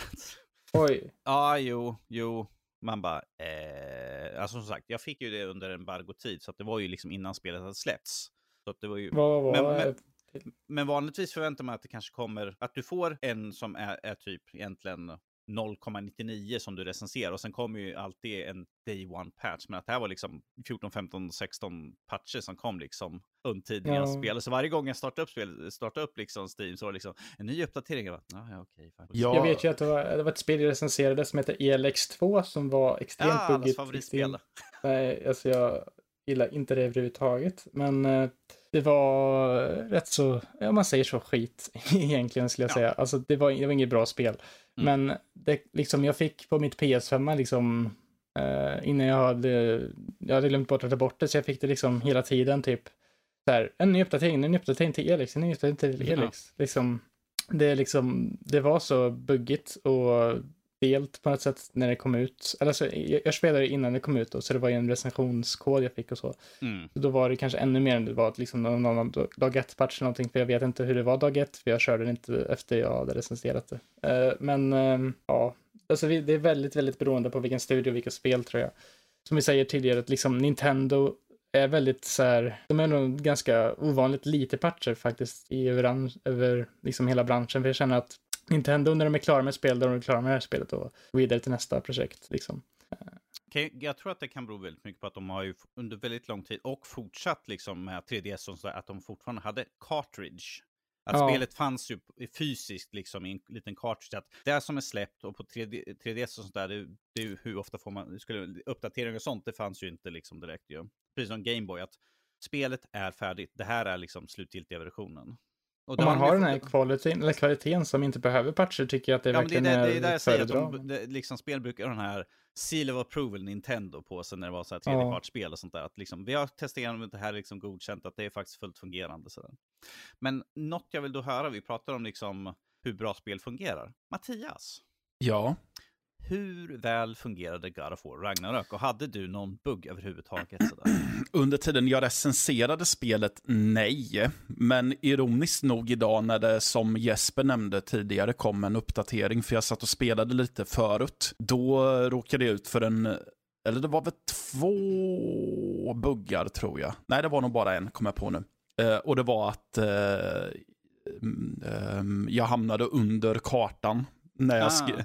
jag skulle hoppa ner ifrån en, ehm, ifrån en avsats och då Ja. är det på olika, det brukar ske på olika sätt. Ibland eh, måste du trycka på ring för att han ska hoppa ner för att det, det, det är en ganska hög klippa. Mm. Och, Mm. Men oftast är det typ bara att springa så hoppar han ner av sig självt. Men det finns också en ytterligare variant där han håller sig fast med ett av sina, eh, ett av sina blad, eller vad vi säger, för att han måste skjuta, i, eh, han måste svinga sig emellan. Och jag Ja. reagerade på, för jag tyckte inte att det var en så hög klippavsats, men så helt plötsligt så hamnade han i den hängande positionen. Och jag tänkte, varför det? Och sen, åh, här, vad hände med världen? Och då var jag under kartan, men det var ju bara att klättra upp på avsatsen igen så var det problemet borta. Jag har faktiskt till och med mött på en bugg i, i två gånger typ. Med, men alltså i den, det jag har kört av det. Att eh, typ att en karaktär som ska gå på, till ett ställe inte går till det stället utan den stannar kvar där. Ja, det, liksom- jo, det, jo, men det var jag med om också. Vä- väldigt tidigt, jag tror att det var första dagen jag satt. Ja, så var det det en, kanske var så var det en karaktär som pratade om någonting, men v- det var så tydligt att Fast du ska ju gå vidare, men varför Mm. står du kvar här? Ja, men då går väl jag vidare och hoppas att det triggar någonting i skriptet. Men i övrigt så har det Mm. gått väldigt bra. Eh, och ja, ja, det här är ju en, det är en mustig upplevelse det här. Det, är ju, eh, det följer ju upp förra spelet, tar vid, eh, det, det är väl en stund efter Jag vet händelserna. det i- faktiskt. Vad så? Säger inte det jättetydligt tror jag. Vad för något? Exakt, inte exakt när det tar slut, eller liksom tar vid. Det känns, det är ju en del efter, men jag tror inte det finns något, ett halvår kanske. Eh, ja, ja, Nej, det får säga, det är lite längre än så. Jag. Eh, Ja, Det- för Atreus är ju ganska påtagligt. um, Ja, han, är, jo, han är det. betydligt äldre än vad han är i första spelet. Han kan, han kan nu klättra på klippväggar själv. Han behöver inte sitta på ryggen. Han är på en stor Kratos. pojk. nu. Han är en stor pojk och det hörs också på grund av att hans röstregister är något mörkare också. Uh, ja, nej men eh, uh, Fimbulvintern eh, har kommit och uh, Freja är förbannad på dem på grund av händelser i förra spelet och de stöter på uh, Tor och Oden vid ett tillfälle som vill att, för Atreus har tydligen vid sidan om har han försökt att hitta guden Tyr som egentligen sägs vara död. Men han tror inte riktigt på det. Eh, och då säger de att ja, men om ni slutar med det här så kommer inte vi eh, störa er och vi kommer definitivt inte starta krig mellan varandra. Men, efter, men då resonerar man som så att eftersom att de är så angelägna om att hemlighålla det här så är det väl sanningen vi ska få fram. Utan att säga Ja. för mycket om berättelsen så är det typ där som det startar i alla fall. Eh, ja, det, det är ju mycket som är bekant. Alltså, så man strövar runt i världen, man hittar lite kister. Eh, bland annat de här Norn-kisterna där man måste... Nornir. Ja, Nornir-kisterna där man måste kasta yxan på lite runor i rätt ordning och allt, alla varianter som det kan vara. Eller om man har det här Blades of Shake Chaos så finns det ju, eh, vad heter det, vissa sådana Nornish som istället är att du ska eh, kasta eld, liksom tända på eh, facklor och sånt. Och vissa är liksom att du ska tajma, liksom att du ska kasta yxan i viss timing på dem, liksom så att, du inte, så att de inte går för lång tid emellan att du kastar och hittar den här, utan att liksom det ska öppnas snabbt. Precis. Eh, ja, eh, alltså världen är ju ganska öppen. Du, du har ju huvudvägen Mm. att gå som har med storyn att göra, men eh, titt som tätt så stöter man på andra karaktärer som har lite tjänster som de vill att du ska springa åt dem och då kan man ägna sig åt det. Vilket också spelet uppmanar dig till, för du, du kan spela huvudquestet, du kan ha klarat av det som är huvuddelen av spelet för tillfället, men så kan både eh, ha Mimers huvud eller Atreus säga, "Ja, men vi kan åka tillbaka hem, eller så utforskar vi lite. Det är upp till dig. Så de, Ja, de uppmanar ju en till att eh, ändå ränna runt och göra lite sidogrejer. Jag skulle säga att eh, det är ganska bra att göra dem för att jag tycker de jag har kört än så länge är väldigt välskrivna och väl, liksom ger mycket till storyn och världen och allt sånt. Ja, Ja, precis. Det, det berikar världen, verkligen. Jag menade, jag ägnade mig lite nu nyligen åt ett där, man, där det är ett område i ett av de här, en av de här världarna som är helt ödelagt, så då kan man hitta Mm. lite berättelser om vad det egentligen var som hände där. Eh, när det kommer till striderna som är en ganska påtaglig del i Mm. det, det här så Eh, Jag vill minnas i alla fall att i det förra spelet så, kun, så var det mycket mer att man kunde brute forca sig fram. Visst, det var en hel del fiender som krävde lite mer finlir, men det här med finlir känns som att de har tagit till tagit in mycket mer. Så att, eh, för det, man stöter på lite starkare fiender som kräver lite mer taktik. Vi har ju dels en taktik bara i vilket vapen man ska använda. En del är lite mer känsliga mot eld och en del är lite mer känsliga mot frost. Så då får man vara lite klok där. Plus att de här Blades of Chaos, de här eh, svärden som sitter fast i kedjor är ganska bra om, det, om man är omringad av fiender. För då gör han ju lite mer svepande rörelser omkring sig. Och då är det lätt att hålla dem på halster på så sätt. Ja, alltså Mm. det känns ju som att det naturligt borde vara så också, tycker jag. Mm. För- Eftersom att det är ju ändå en uppföljare för 2018-spelet och det borde ju ha kört 2018-spelet. Alltså det tycker jag ändå att man borde ha gjort innan man Ja. kör detta spelet. Så att eh, då borde det vara liksom att det är en, liksom att det är inte det är lika lätt som att det är, det är i början av God of War 2018, utan att det ska vara liksom en naturlig, liksom, liten svårighetsgradsökning ändå från God of War 2018, bara för att det ska kännas som att, ja, liksom Mm. vidare på storyn, att man har lärt sig grejer och sånt från det förra spelet. Ja, Även om precis. det finns ju väldigt mycket accessibility options för de som vill ha det lite lättare för sig. Ja, det ja. finns ju en Det gör det. Give me a story mode till exempel. Jag har inte testat de här, men jag tänker att det blir betydligt mycket lättare säkert om man bara lär sig det. Ja, så det är, ju inte som, det är ju inte så lätt så att du bara lägger en hand på den, så, på fienden så dör den. Utan du, du, du får ju jobba lite där. Alltså de, du, det är fortfarande en strid, men den, vad det, skillnaden är oftast hur mycket skada du gör på fienden. Ja. Är det. Så det går, det går snabbare att fälla starkare fiender på det lätta, men du, måste fort, du kan inte bara stå och vifta för glatta livet. Mm. Jag, jag, jag tycker egentligen det är rätt intressant att han, i, när man börjar spelet, i första spelet då, eh, från Mm. 2018, då slåss man mot skelettgubbar som kan skada en. Man bara, vänta, du, du är Kratos, du mördade de grekiska gudarna i de andra spelen, du slet dem i bitar med dina bara händer. Nu kommer en liten skelett, mänsklig skelettgubbe och slår på dig och du bara, ah, aj, han gör mig illa mamma, slå han. Ja, här, här kommer det ju fiender när man förstår att ja, det där gör nog ont även på Kratos. Mm, ja, så ja. det kommer det. Eh, ja, Ja. Eh, jag upplevde ju också att jag hade ju många fler såna här bara ja, men, väldigt starka vanliga fiender som jag kunde ha mycket mer krångel med än de stora bossarna. I, Men det egentligen. det skrev du i recensionen också, Ja. att en del mindre gubbar kunde vara svårare än liksom Ja, men det, det, bossarna, det, det så. kanske bara var jag, men det, är väl, men det kanske hade att göra med att det kanske är lite mer lättare att förutse eh, mönster och så på, hos de större bossarna och att det är ju en del grejer som faktiskt är skriptade att hända i de striderna medans i Mm. på, när man springer runt på banorna bara så känns det som att här kan det gå lite hur som helst och jag kan inte riktigt lita på den här, den här monsterfiluren. Och så. Jo, Men- mm. alltså, det är väl lite så också. Men jag, jag hade lite, alltså det jag hade lite mer problem, eller hittills Mm. med, det är att jag typ så här blir sprängd av saker i naturen typ istället. Ja, Typ det, att jag går på en svamp och tar jättemycket ja, det, det, det finns, det, det är ju ett parti där även växtriket visar sig vara fientligt. Främst Ja, mot Kratos. Så Det är jobbigare med än fienderna. Ja, det är jobbigt. eh, också. Det är bara så. för att jag inte ser, alltså ibland så bara, jag- just det, kanske jag tänker på att kolla vad det finns i min Ja, omgivning och så bara, oh, jag sprang in där i Ja. den, okej, då dog jag. Precis. um, så jag, jag gillar berättelsen, gör jag. Just för att det, det, ja, men det är ju, på, det är ju uh, väldigt mycket undergång som gäller och uh, alla karaktärer eh, typ if, ifrågasätter nästintill vad, vilken roll de spelar i det hela och eh, hur, vad, och eftersom att det är mycket profetier och så, så är det också konflikten, spelar vi profetian i handen eller fattar vi våra egna beslut eh, nu?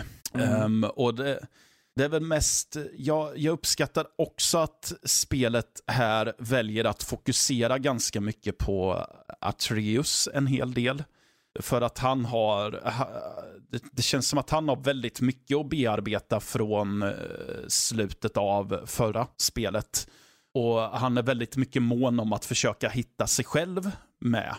Så ska jag Ja. bara pl- plant gå i pappas fotspår eller ska jag försöka hitta vem jag själv är? Och hans upplevelse är att Kratos är väldigt mycket så här, nej, men du är min son, du gör som jag gör.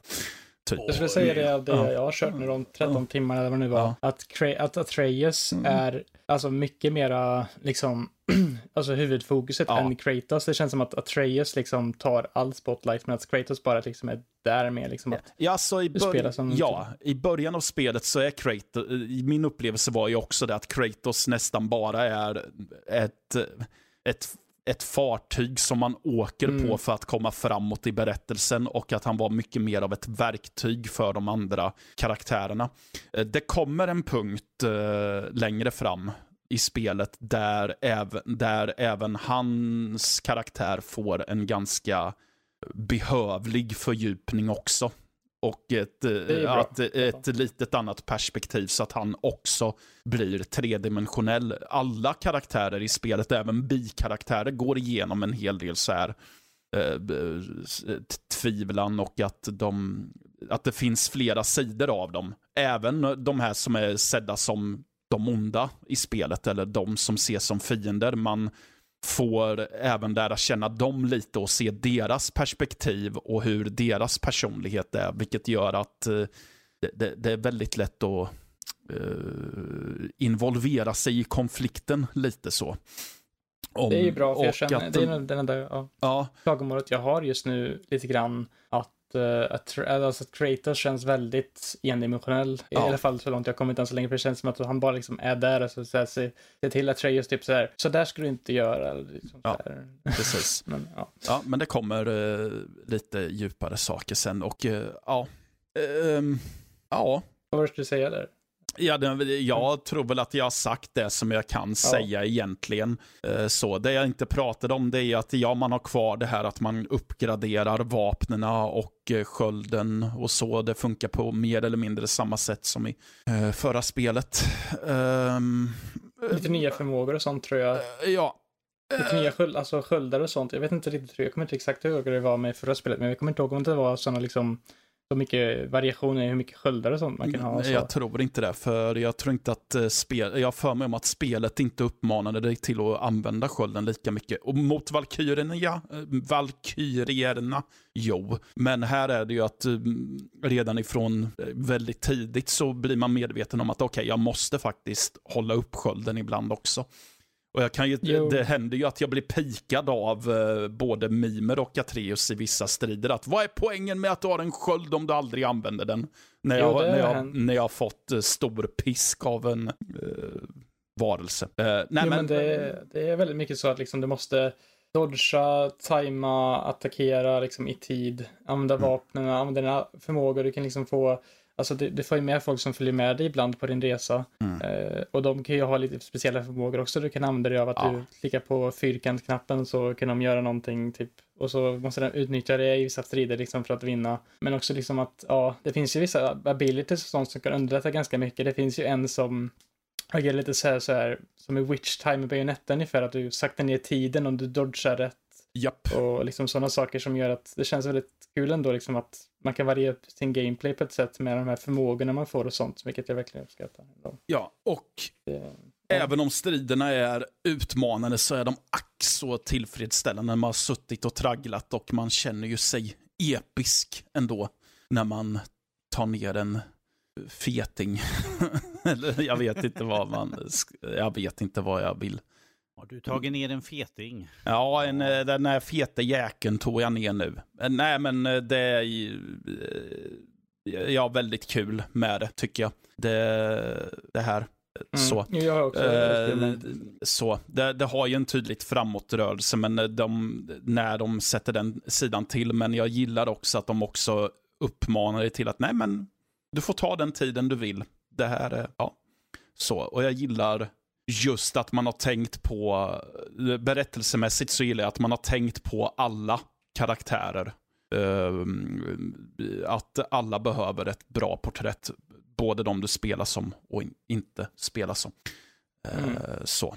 Det, det kan vara rätt viktigt för en story tycker jag ändå att karaktärer ska inte bara introduceras för att vara där utan de ska introduceras och ha lite liksom, anledning till varför de är med i storyn och så. Precis. Ja, Um, ja, nej, men det, det, är ett bra, det är ett bra spel, så ut och spela det med er. Uh, det, det, passar ju bra nu när vintern börjar komma också, så hamnar man i rätt stämning. Mm. Ja, jag har ju installerat på PS5, men det gäller bara... Jag ska bara spela, spela klart slutet på första spelet så kan jag starta upp det. Ja. Mm. Men eh, så, så är det ibland när man aldrig tar avslutar saker ordentligt ibland. Så här. Men eh, vi kan ju ta, jag kan ju ta och slänga lite, prata grann om The Dark Pictures Anthology The Devil in Me som jag recenserade här ganska nyligen. Och det här är ju det fjärde och sista spelet i säsong ett av antologiserien.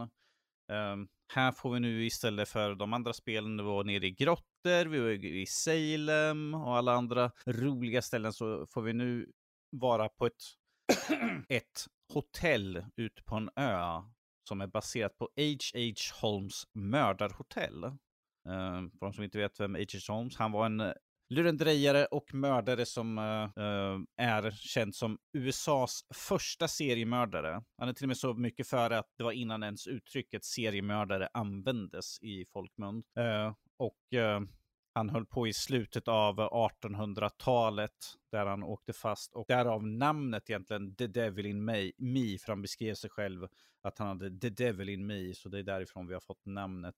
Mm. Och han sa liksom på sin rättegång att uh, när han sa den här Devil Me att se till att gräva ner mig djupt eh, och se till att lägga min kropp i en stor betongklump för jag är, jag är liksom rädd för vad som komma skall där så att han mm. var ju lite knas egentligen. Men här får vi följa ett litet filmteam på uh, fem personer som uh, är på ja, de har inte turen på sin sida och de Eh, Eh, får här ett filmprojekt eh, som de ska göra. Eh, där de blir uppringda och säger liksom, men vi har liksom en, en, replika på A.G. Holmes eh, mördarhotell, vill ni komma och liksom göra en story på det? Och de bara, ja men det, vilken tur, vi kanske kan rädda liksom våran lilla studio så att göra ett bra reportage här nu och eh, sälja det liksom och tjäna pengar på det. Men eh, det låter lite för bra för vad det är. Och i, Matte, du har ju kört de andra och Jesper, du har ju också kört de här. Ni har, ju, kört, ni, ni har ju båda recenserat uh, tidigare. Eller Matte, du har i alla fall gjort en förhandstitt och Jesper gjorde i alla fall ett spel. Ja, eh, jag har det, ja. inte kört hela House of Ashes faktiskt. Det är lite skämskudde kanske. Ja, det är mm. lugnt. Mm. Men här, här får vi... på det. ja, jag körde uh, förhandstiteln körde jag. Ja. Mm. Och eh, liksom, ifall man kört liksom en demo eller något sånt där så vet man vad man får. Det är, du går omkring, tredje person, du utforskar, du går och hittar liksom tavlor som ger eh, en förhandstitt på vad som komma skall. Mm. Du hittar massor med textdokument, eh, böcker och allt sånt där som man kan liksom läsa och få en liten historia om vad som har hänt eller något sånt där i spelen. I det här spelet så har de infört att man kan hitta mynt också som man kan använda för att köpa dioraman på saker man upplever. Ifall man kanske gör ett visst val så kanske man får en viss scen som blir ett diorama man kan köpa sen för de här mynten. Uh, jag fick ett för att jag gjorde ett misstag och dödade på en karaktär nästan i, direkt i början av spelet. Sådär.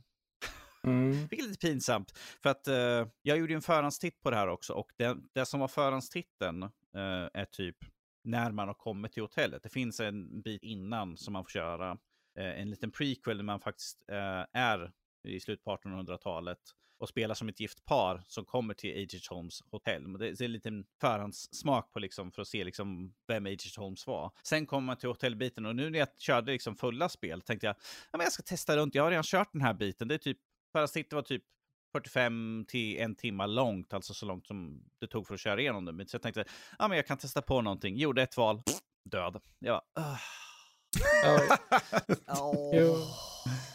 Det är lite så i de spelen.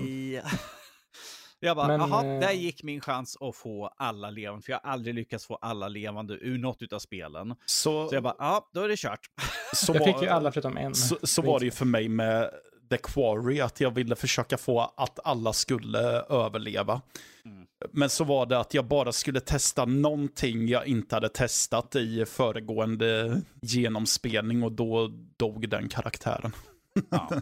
Jo, men alltså det var något sånt eh, för mig också där. Eh, när jag körde in eh, Little Hope då, eh, så var det liksom att jag fick alla att överleva förutom just en karaktär. Jag visste verkligen inte hur jag skulle få den här att överleva, för vad jag än gjorde varenda gång jag körde liksom, så kändes det som att den här karaktären kommer dö vad jag än gör. Så jag bara liksom, ja, jag får väl klara mig med alla utom en överlevande då.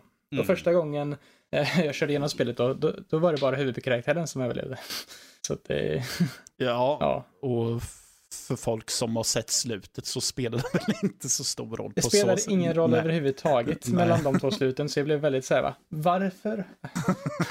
mm. Alltså det var exakt samma slut vad det än gjorde där, så det var liksom, okej, okay. mm. det var bara Ja, det var bara så det var i slutet. Jag ska inte säga exakt vad det är. Jag någon som tänkte köra det, men jag blev väldigt besviken på det slutet alltså. Mm. Uh, men har det inte så här, i Devil in Me då, det, det var, infördes väl i Highs of Ashes att man kunde gå mer liksom och med en bättre liksom frirörelse i kameran ja, och sånt. Ja, för att i det så infördes att du kan snurra runt 360 mm. grader och titta och vi har ju exakt samma här. Eh, nog för att eh, när man ibland kommer i smalare korridorer så kan ju kameran bli lite muppig eh, och liksom lägga sig direkt på eller något Man försöker liksom lysa runt för att titta liksom och se någonting. Man bara, jag ser ingenting för att min, jag är inne i huvudet på min karaktär. um, men, men, det är som sagt, eh, det, jag skrev det liksom i min recension också, men det är bara vid vissa tillfällen när man är i smala små områden, eller typ står och snö, försöker snurra kameran, när man står med någonting emot bara för att titta runt.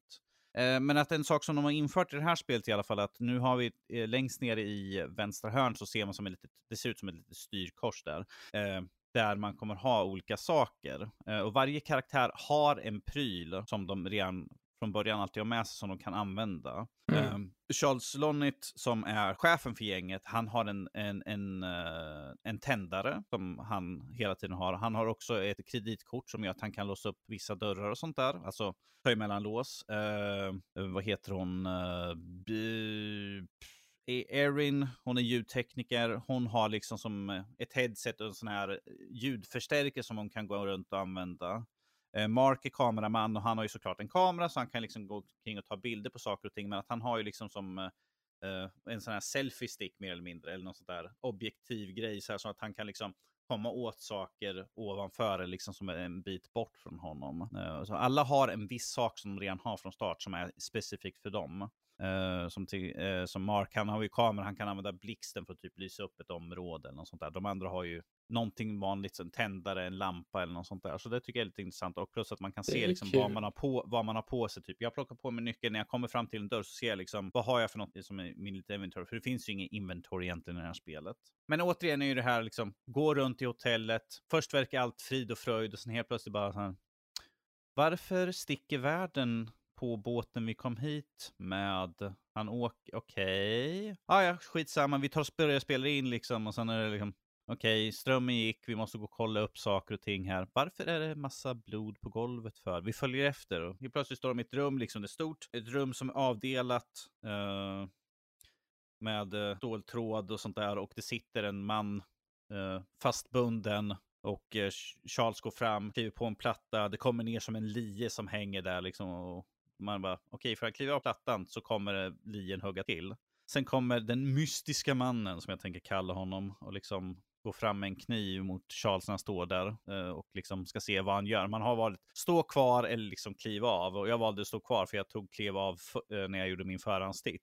Men att slutresultatet är detsamma, mer eller mindre. Att uh, lien åker in i personen som sitter där. Det är liksom bara en försmak på de val man kommer göra.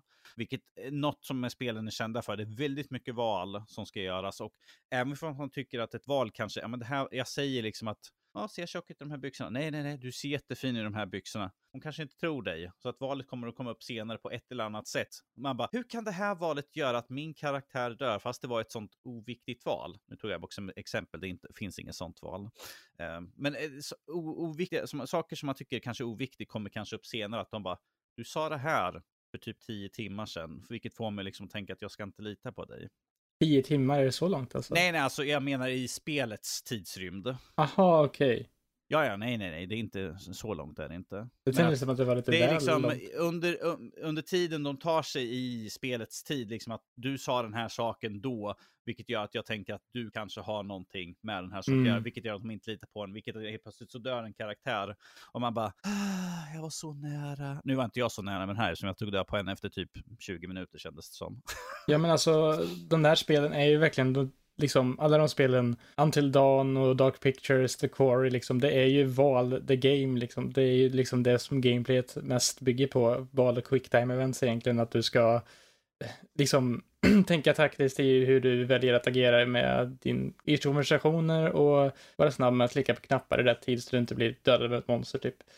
Ja, jag tycker det är kul för att de utannonserade ju när de, som sagt, här, de utannonserade ju The Dark Pictures Switchback VR som kommer till PSVR 2. Ah. Där banorna är baserade på spelens setting. Så det kommer vara liksom öken, det kommer vara hotell, eh, det kommer vara Salem. Så det kommer vara baserat på de här fyra första spelen ju. Vilket jag tycker är intressant. Eh, så jag bara, mm, intressant. Jag har kört alla, alla spelen sådär. Jag har recenserat tre av dem, så jag bara, jag tror jag lär känna igen, känner igen mig lite grann i spelen sådär. Du har bara eh, inte recenserat mitt, det spelet jag recenserar då? Det har jag kört. Du har kört i alla fall? Ja, jag, jag, jag har äger spelen som sagt. Jag har den här trilogiboxen. Och mm. jag, som sagt, jag recenserar det här fjärde spelet här just nu. Så. Eh, som sagt, jag tycker att det här håller precis samma klass, liksom du får lite nya saker. Det att hoppa tillbaka till ett sånt här spel, man vet vad man får. Och då gör det fortfarande riktigt bra sådär. Uh, jag, hade inte, jag har inte så mycket liksom, att beklaga mig på. Uh, spel. Alltså, ibland när man ser en karaktär som bara står, ibland när man mm. går ut och går så kanske man har en karaktär som är som, så ställer de sig mot en vägg och så ser de ut som en docka. Liksom, så här, man bara, det rör sig ingenting, de gör ingenting. Så ibland kanske de liksom tittar på handen och sånt. Man bara, wow, det är mannekänger i spelet liksom som uh, dyker upp höger och vänster. Jag bara, det kunde varit en mannekäng. Sådär. Jo, Ibland. men alltså det lite intressant det där också när du sa att alla karaktärer har sin egen unika förmåga. För jag, det var inte riktigt, så har det inte varit i det spelet jag spelade då, Little Hope, eh, egentligen. Eh, även om man liksom att de var ju kanske bättre på olika saker eftersom att de var olika byggda, olika, mm. för, liksom, men här är, det, det, det, är mer eller mindre, vad har du för typ som du kan använda i mörker eller typ? Ja. För, för alla, allas specialiteter, om vi kallar dem så, att Lonnit, eh, chefen, har sitt kreditkort och sådär kan öppna upp. Det kommer ju bara behövas när man spelar honom. Eller att Mark, kameramannen, har att han kan ta ner saker som ligger högt upp, uppifrån. Honom. Det kommer ju bara ske där. Det är ju inte att man kan byta hejvilt mellan karaktärerna. Så allt är ju byggt, banorna är ju byggda i designen, liksom att ja, men nu behöver jag ta ner någonting, nu tror jag att vi spelar som Mark för att han har, eller att uh, vi måste ta en bild, tror jag att vi är Mark igen. Så att mm. det, det är ju, bandesignen är baserad utifrån vem som kör i det här kapitlet. Och tillbaka har vi också Curators uh, Cut, som vanligt, där vi får en alternativ och nya scener som sagt, där man får spela. Vad tänkte du säga? Men, uh, så att man i kapitlen då så byter man vilken karaktär man kör på? Nej, nej, nej, alltså att eh, du kan inte byta Wilny. Det är ju inte som ett sånt här eh, spel, liksom, ah, men nu vill jag spela som den här karaktären, så byter man ut och kör som en annan. Eh. Nej, jag menar att, eh, att kapitlerna byter karaktär, menar jag. Nej, ja, ja. Du, ja. Karaktär du spelar beror ju på vilket kapitel du kör, som sagt. Okej, okay, för, att i, eh, det, för att Little Hope jag körde då, så var det liksom att du körde som huvudkaraktären hela tiden. Ah, jo, jo. Nej, och nej, att, uh, heter det, du hade bara liksom val med olika karaktärer att agera mot dem. Liksom. Det är liksom ja, ja, nej, nej, nej. Här, I de senare spelen, jag kommer inte ihåg hur det var, hur det var i andra spel, kommer du ihåg det Matt? Uh, nej, just du kommer inte köra. Uh, Va? Vadå? Hur det var i House of som man körde som olika karaktärer vid olika tillfällen. Uh, jag kan ju bara svara för hur det var i demon, eller det som jag körde i House of Ashes under förhandstiteln och då bytte det ju karaktär. Ja, lite det kanske, började, jag tror, kanske började i House of Ash att du bytte mellan olika karaktärer. För här, här, här får man spela som alla för, karaktärer. För man kan ju säga så här, i The Quarry så bara för att det byts karaktär så innebär det inte att det är ett nytt kapitel. Mm. Okej. Okay. Nej, nej, alltså det är ju under ett, under ett kapitel så är det ju liksom att du kanske byter beroende på vad som händer runt omkring. Ja. Okej, okay. det är lite kul ändå att det inte bara, men jag förstår ju dig. Det finns hope. inte bara en specifik huvudperson som man kör som, som i första spelet. Um, man of Medan till exempel, där spelar man ju egentligen primärt som en väl, ifall jag inte missminner mig fel. Jag har inte spelat Peter länge. Utan att spoila någonting kan man ju säga att Little Hope, eh, vad heter det, det hade varit konstigt om det hade varit så som det är i de här spelen då med Little Hope på grund av storyn, men... Uh, mm, ja, ja, just storyn där och karaktären man spelar som så är det ju väldigt tydligt på varför de har gjort så i mm. alla fall. Medan här är det liksom att vi ska försöka ta reda på vad som händer. Det här är mer berättat, som sagt genom att byta så här så blir det mer berättat och vi får känna karaktärerna mer.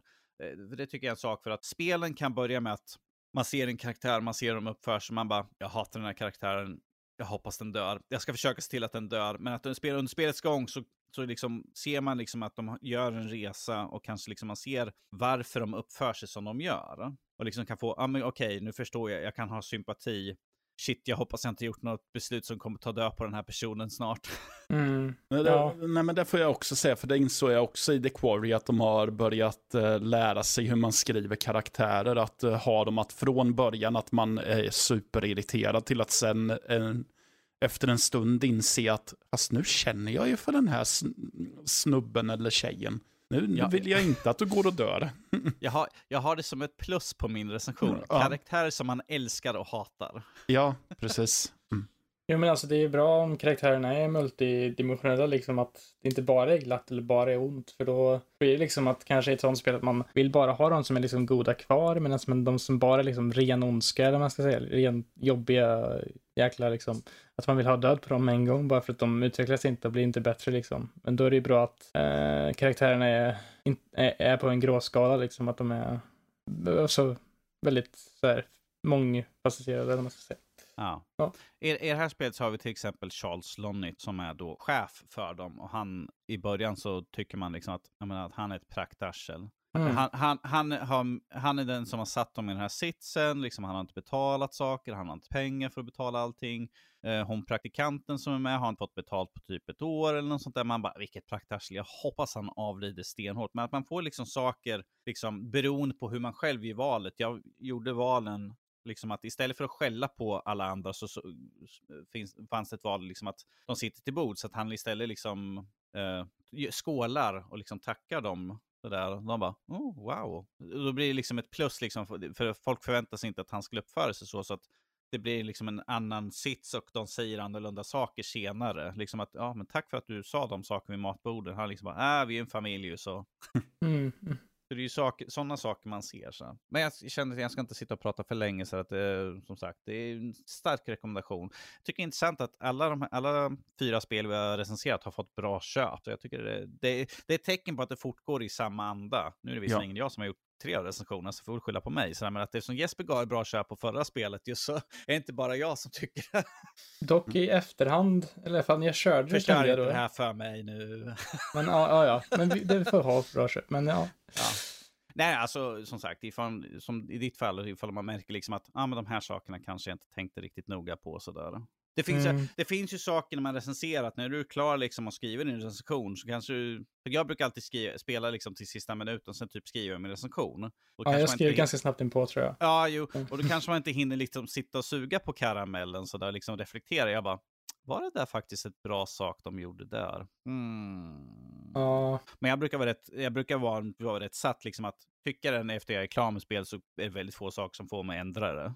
Ja. Som med Saints. Row, jag hade jättebra upplevelse och liksom att höra alla andra beklaga sig till bugget. Jag bara, hade jag fel? Nej, men jag hade ju inte den upplevelsen. Och samma sak här liksom när jag spelade igenom. Och jag bara, ja men jag hade en bra upplevelse där. Visst, det är inget, det är inget toppklassspel. Det är liksom inte ingenting som höjs till skyarna. Men att för vad det är, liksom, som vi brukar säga, att bra köp är liksom för, inom dess genre eh, så är det ett bra köp. Eh, Toppklass är ju ett spel som ska liksom gå över gränsen egentligen, ska vara för den allmänna eh, spelar, spelarbasen så att säga.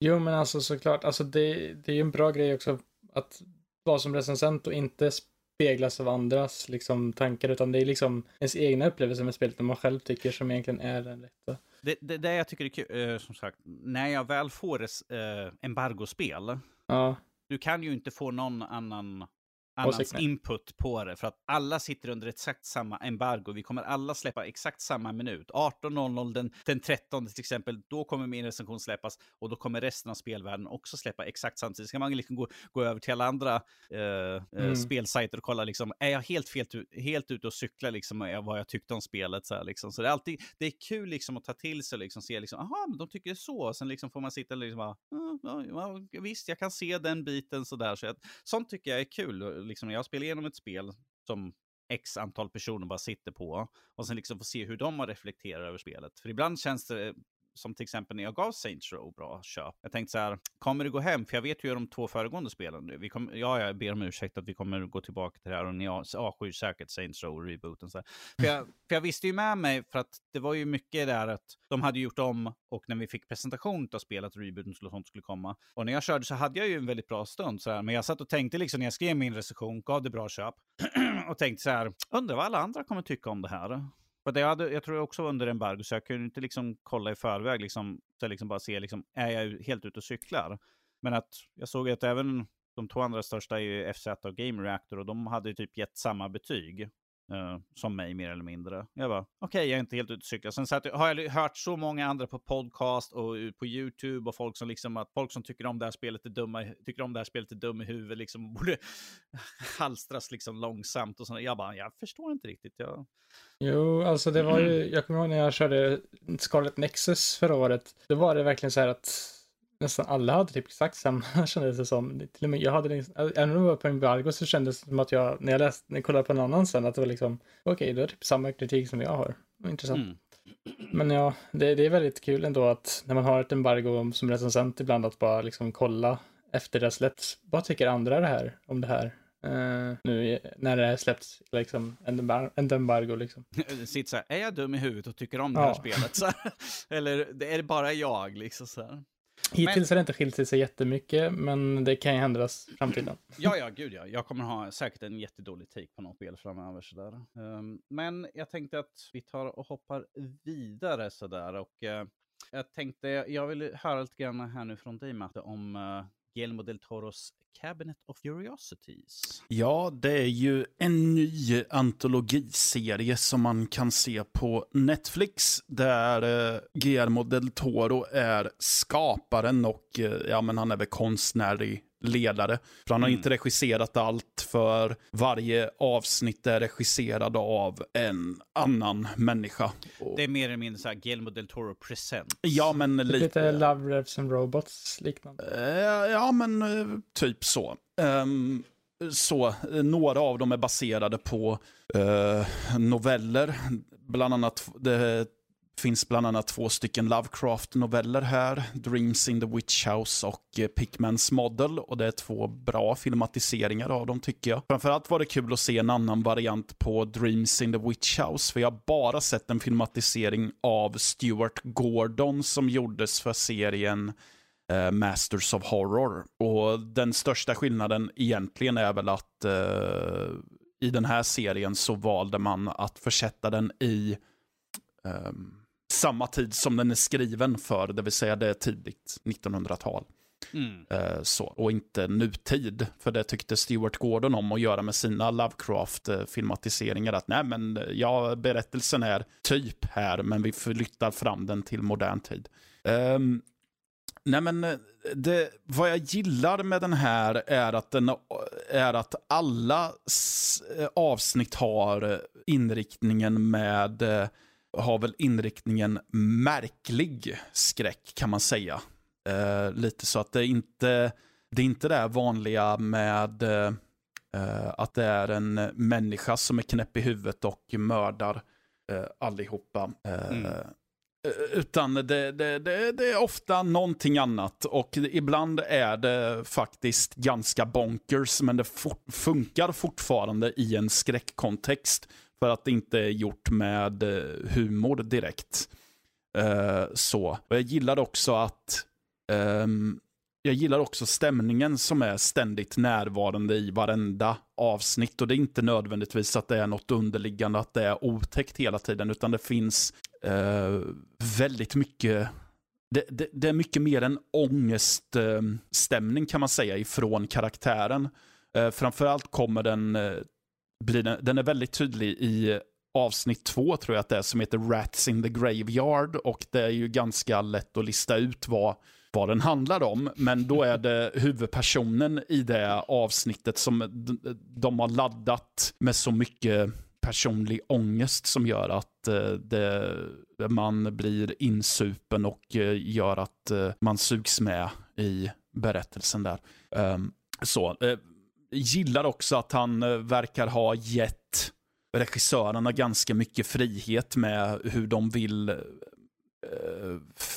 framställa sina avsnitt och att deras stilar verkar få eh, ta väldigt mycket plats. Det är ju väldigt tydligt i de två sista avsnitten. Det näst sista är gjort av Panos Cosmatos som, eh, ja, han gjorde Mandy med Nicolas Cage bland annat som mm. är en väldigt konstnärlig och väldigt långsam och väldigt visuell berättelse. Och eh, vilket han utnyttjar här i sitt avsnitt och likaså det sista är ju Jennifer Kent som gjorde The Babadook bland annat. Hon har gjort någon mer film på sistone som jag, Nightingale tror jag den heter. Jag mm. glömmer, ja. Det är namnet i alla fall. Ja, jag, jag tror att det var så den hette. Jag har inte sett den, men kan ha fel. Men och det, hennes stil är också där, för hon är också mycket för det här långsammare och att saker och ting sakta men säkert trappas upp. Och det är väldigt tydligt att, han har va- att man har valt berättelser som passar regissörerna eh, väldigt mycket och passar deras sätt att vilja göra. Så det här är, är man, är man ett fan av skräck eller bara storytelling skulle jag vilja säga så tycker jag definitivt att man ska eh, titta på den här. Det finns några skådespelarinsatser som är lite träiga får jag ju säga. Jag tror att det är i första avsnittet så är det en snubbe, så är det huvudkaraktären där som är, det är inte, ja, hans, hans, han ska ju vara ocharmig, det, det är klart. men han är ju, men han har ju karisma och så som en planka i stort sett. Okej. Men han skulle ju vara lite träig. Ja, han ska, ja, han ska vara träig förvisso, så det passar på ett Kanske sätt. Men. Ja. lite väl träigt kan man väl säga. Okej. Ja, eh, men ja, ja, så definitivt en eh, rekommendation. Eh, så jag har ju en svag, jag har ju en svag punkt generellt för antologiserier eller antologifilmer. Och då kommer det ju med It comes with the trade av antologifilmer att några är bättre, några är mindre bra. Men det är ingen som är rutten direkt här. Så. Mm. Jag det är spännande med typ så serier som har liksom olika skapare för varandra avsnitt, liksom att man ser en tydlig variation på saker när man för det vidare, liksom till exempel den här Love, Death and Robots Ja, till exempel.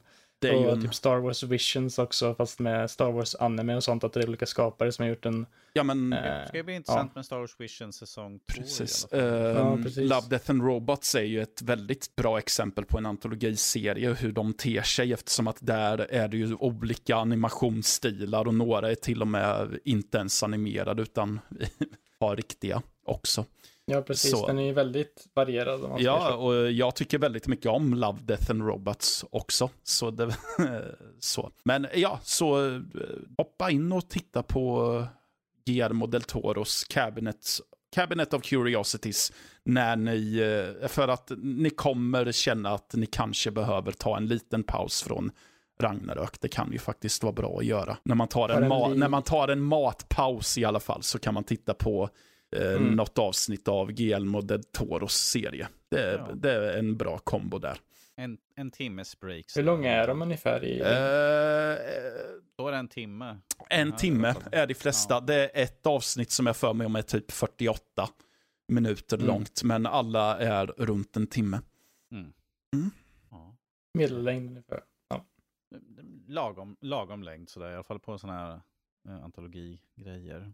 Ja. Men med det sagt så tar vi och rundar av liksom vad vi själva och så tar vi en liten Q&A för podden här. Vi fick från John Levin och han har, här kommer en fråga för er i podden. Vilken boxart är er favorit genom tiderna? Jag vet att Matte han, har- han bara, det är så mycket. Är det just med spel då, eller? Antagligen, för jag Ja. tror att det är det han syftar på. Ja, men om du vill ta en film kanske så här för att du kanske känner dig mer hemma på filmboxart. Ja, och Jag, jag ser hur du sitter och försöker kika bort på hyllan nu och fuska lite grann. och så, Eh, så. ja, jag vet inte om jag kommer på någon direkt filmboxart som är min absolut... Evil Dead, när, han, han, när den målade. Eh, håller geväret upp sådär. eh, eh ja, det, ja, precis. Jag gillar ju Evil Dead. Eh, alltså till första The Evil Dead så finns det ett, eh, det, det är väl ett VHS-omslag finns det som är väldigt snyggt tycker jag. Eh, Men annars så vill jag väl... Mm, om jag ska ta något spel så... Nej men jag tycker om originalomslaget till... eh, Jag ska se om, om jag fortfarande tycker det förresten. Dubbelkolla här nu. Så. Ja, precis. Mhm. Jag tycker ju om... Ja, vi kan säga så här. Broken Sword 2, The Smoking Mirror, dess originalomslag tyckte är ett avsnitt som jag länge har tyckt är eh, ganska snyggt för att det, det, det är någon märklig mystik över det. Så, så det Ja. gillar jag. Eh, så, annars så eh, vill jag väl säga, annars om jag ska bestämma mig för ett filmomslag så vill jag säga 1981 års, eller 1980 års Maniac av William Lustig. Eh, nu, eh, så, det, det är något med det som Mm. är tilldragandes. Annars så det första som dök upp i mitt huvud var varken film eller spel utan det var musik och då tänkte jag på Iron Maidens eh, Live After Death mm, omslag. Ja. Mm. Om jag skulle säga ett favoritomslag så tror jag jag skulle säga det första Xenoblade Chronicles eh, omslag. För att det är väldigt så här subtilt i vad den visar. Det visar liksom, det är en stort grönt gräs liksom. Och så är det huvudkaraktärens svärd, Monadon, som är mitt i gräset, som sitter där. Och bakom honom så är den stora jätten Mekonis, eh, som är en stor del av spelets story. Så det är liksom, den berättar ändå ganska mycket utan att ens berätta, alltså utan att vara så jätte, vad heter det, in your face med saker. Liksom det, den är ganska väl genomtänkt tycker jag. Så därför tycker jag att den är väldigt bra. Eh, sen ja, det finns väl väldigt många bra, men jag tycker att, ja, om det ska vara den, om det, om det är den förresten som är, om jag ska säga motsatsen, för att vara lite sån, eh, The Last of Us Part 2, tycker jag inte om boxarten till. det är typ en JPEG-fil på Ellie som ser arg ut eh, från spelet, eh, plus loggan. Eh, inte jättefint. Eh, nu, nog med den ranten, så går vi över till Danny istället. Yes, uh, i mitt fall skulle det vara på mitt favoritspel genom tiderna, Shadowrun till Super Nintendo. Och mm. inte den då man ser handmålade karaktärer, utan det är liksom man ser uh, logotypen, mm. det står Shadowrun uh, i lite runigt med en demonisk skalle som, har, som har en scrollbox. Och ja. i bakgrunden så är det som en motherboard för att mm. spelet är både magi och det är teknologi ihopblandat ju. Så den tycker jag liksom, bilden talar väldigt mycket om vad spelet är. Jag skulle ju säga det att den, den logotypen med skallen är ju väldigt snygg. Är den. Mm. Eh, så. Jag menar, den andra liksom handmålade, mm, ja nej. Den inte... Skulle göra sig väldigt bra på en t-shirt, tänker jag. Det finns nog säkert på någon t-shirt, skulle inte mig för fem öre. Sådär. Mm. Vad är Shadowrun för typ av spel? Jag har inte jättebra koll på det spelet. Uh, ja, i det här fallet så är det ju RPG. Uh, med sån här. Det, det, är typ, det är en föregångare till Cyberpunk mer eller mindre. För att det, var, det är ju ett uh, paper and pen-spel från ja. början. Så att det är ju liksom från de vägarna som uh, Cyberpunk och många andra spel liksom mm. kommer ifrån. Shadowrun är väldigt, det är större idag nu på paper and pen än vad det faktiskt är i spelväg. För att det är Shadowrun som kom för en uh, väldans massa år uh, till Microsoft till Xbox kom och försvann ganska snabbt för det var liksom ingen hit direkt. Det var ju någon sån här jävla multiplayer-spel. Intressant att det släpptes till konsol på den tiden också eftersom att eh, det var inte jättemånga sådana alltså, penna pappersbaserade rollspel som släpptes till konsol då. Eh, det var mer dator, liksom Commodore och dator liksom. Ja men vi har ju de här uh, andra heter de? Jag har, ju, jag har ju alla de spelen på Steam. Jag tycker det, går det finns ju andra sådana här Shadowrun uh, som är lite mer, lite XCOM liknande. Okej, okay, men jag, jag, vet i alla fall att uh, typ, jag tänker på konsol-RPG från den tiden så är det ju mest typ Final Fantasy och sånt eftersom att liksom, det är mycket mer japansk marknad som gav till konsol, gick till konsolerna i början än det var västerländsk marknad. Mm. Så ja, men det är intressant ändå uh, hur det blev. An, an, jag skulle säkert gissa vad andra skulle säkert säga Doom. Ja, jo. Har cool boxart. Det är liksom svårt att inte plocka fram bara för att se. Den är också eh, lite mer lite generisk på något sätt. Den känns väldigt så här in your face. Ja, men ifall man tittar på liksom original Doom boxart, så tittar man på Doom 2016 och där de har ja. ju liksom vi har Doom Gang som står liksom mitt ibland demoner och liksom slaktar dem höger och vänster. Så att det finns ju fortfarande liksom... Det är lite som en rockbands... Uh, ja, ja, och sen vi ser till musiken liksom så rock är ju inte helt Den är ju fel. Så. Det ska ja. ju mördas lite grann. Men jag tror att ifall jag skulle säga rent generellt på boxart skulle jag ju säga att eh, de äldre är mycket coolare än vad, vad nyare eh, boxart egentligen är. För att, att de känns lite mer generiska en del.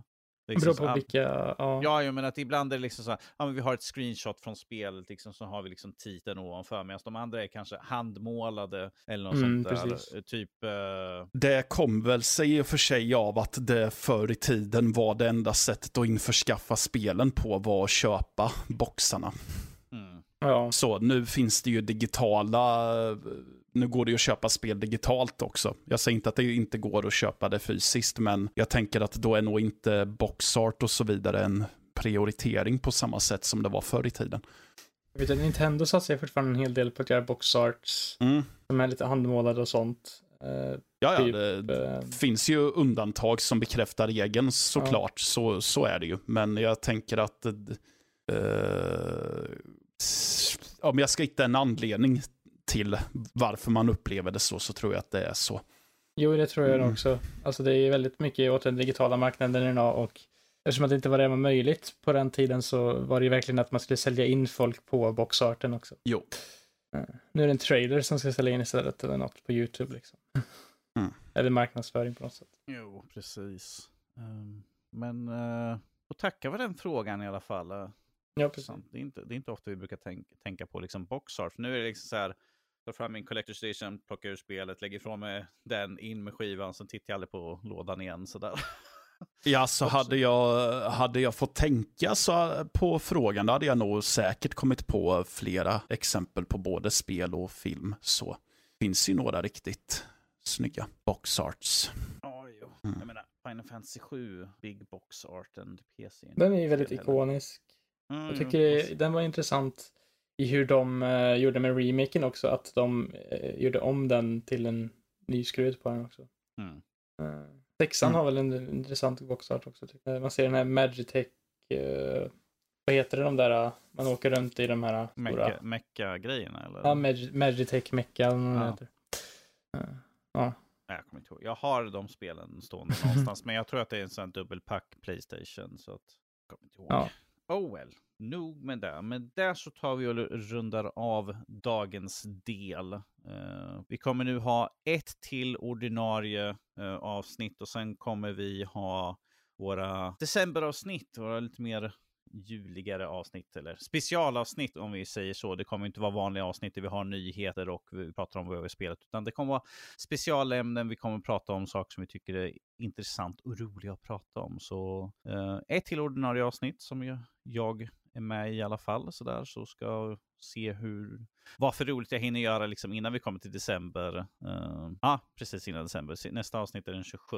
Så mm. precis innan sådär. Men med det sagt så vill jag tacka både Mattias och Jesper. Ni vara, att ni ville vara med idag på min lilla prathörna här om spel och film och allt annat roligt sådär. Ja, alltid ett nöje. Ja, jo. ja. Det hoppas jag. Bäst för er annars. Åh. Ja, annars får vi skylla oss själva om vi sitter här och plågar oss i två timmar typ. Ja, Ja, jo, precis. ja. Med det sagt, om ni vill ha mer av oss kan ni hoppa in på vår hemsida nödliv.se. Eh, om ni vill uh, chatta med oss kan ni skriva till oss på info.nordlivpodcast.se. Alternativt kan ni hoppa in på vår hemsida och högst upp till höger så finns det en stor knapp som det står Discord. Och ifall ni klickar på den så hoppar ni direkt in i vår Discord där vi brukar hänga. Vi sitter just nu, med inspelad stund sitter vi i Discord eh, för att vi har vår egen inspelningsgrupp här. Eh, Så kan ni bara skriva frågor, skriva en Q&A för podden-fråga eller bara liksom skriva allmänt. Vi har massor med olika, olika grupper där vi kan prata om olika saker. Allt från Playstation till serietidningar och gud vet vad. Ehm, Katter och och katter också, eh, mat precis. och träning och Mat, precis. Ehm, allmänt allt möjligt. Precis. Ni hittar oss på annan media som Instagram, Facebook och allt annat. Och det är bara söker ni på atnordliv.se så hittar ni troligtvis oss. Men med det sagt så tror jag inte har glömt någonting som jag jag känner jämt att jag har gjort, men att jag har troligtvis inte gjort det. Ja, Så du, jag- du pikar mig för mina avslutningspluggar så Ja, ja, ja, ja, det är klart. jag förväntar mig att du ska ha koll på ditt. Jag har troligtvis med allting, det är bara att jag inte kommer ihåg. Jag bara, har jag missat någonting? Jag kan inte. Nej, jag har inte missat Ja, någonting. ja, det, jag tror det- inte det. Nej. Med det sagt vill jag tacka för mig. Och jag vill tacka er två igen. Och eh, så hörs vi nästa vecka. Ha det bra hörni. Toodaloo! Hej.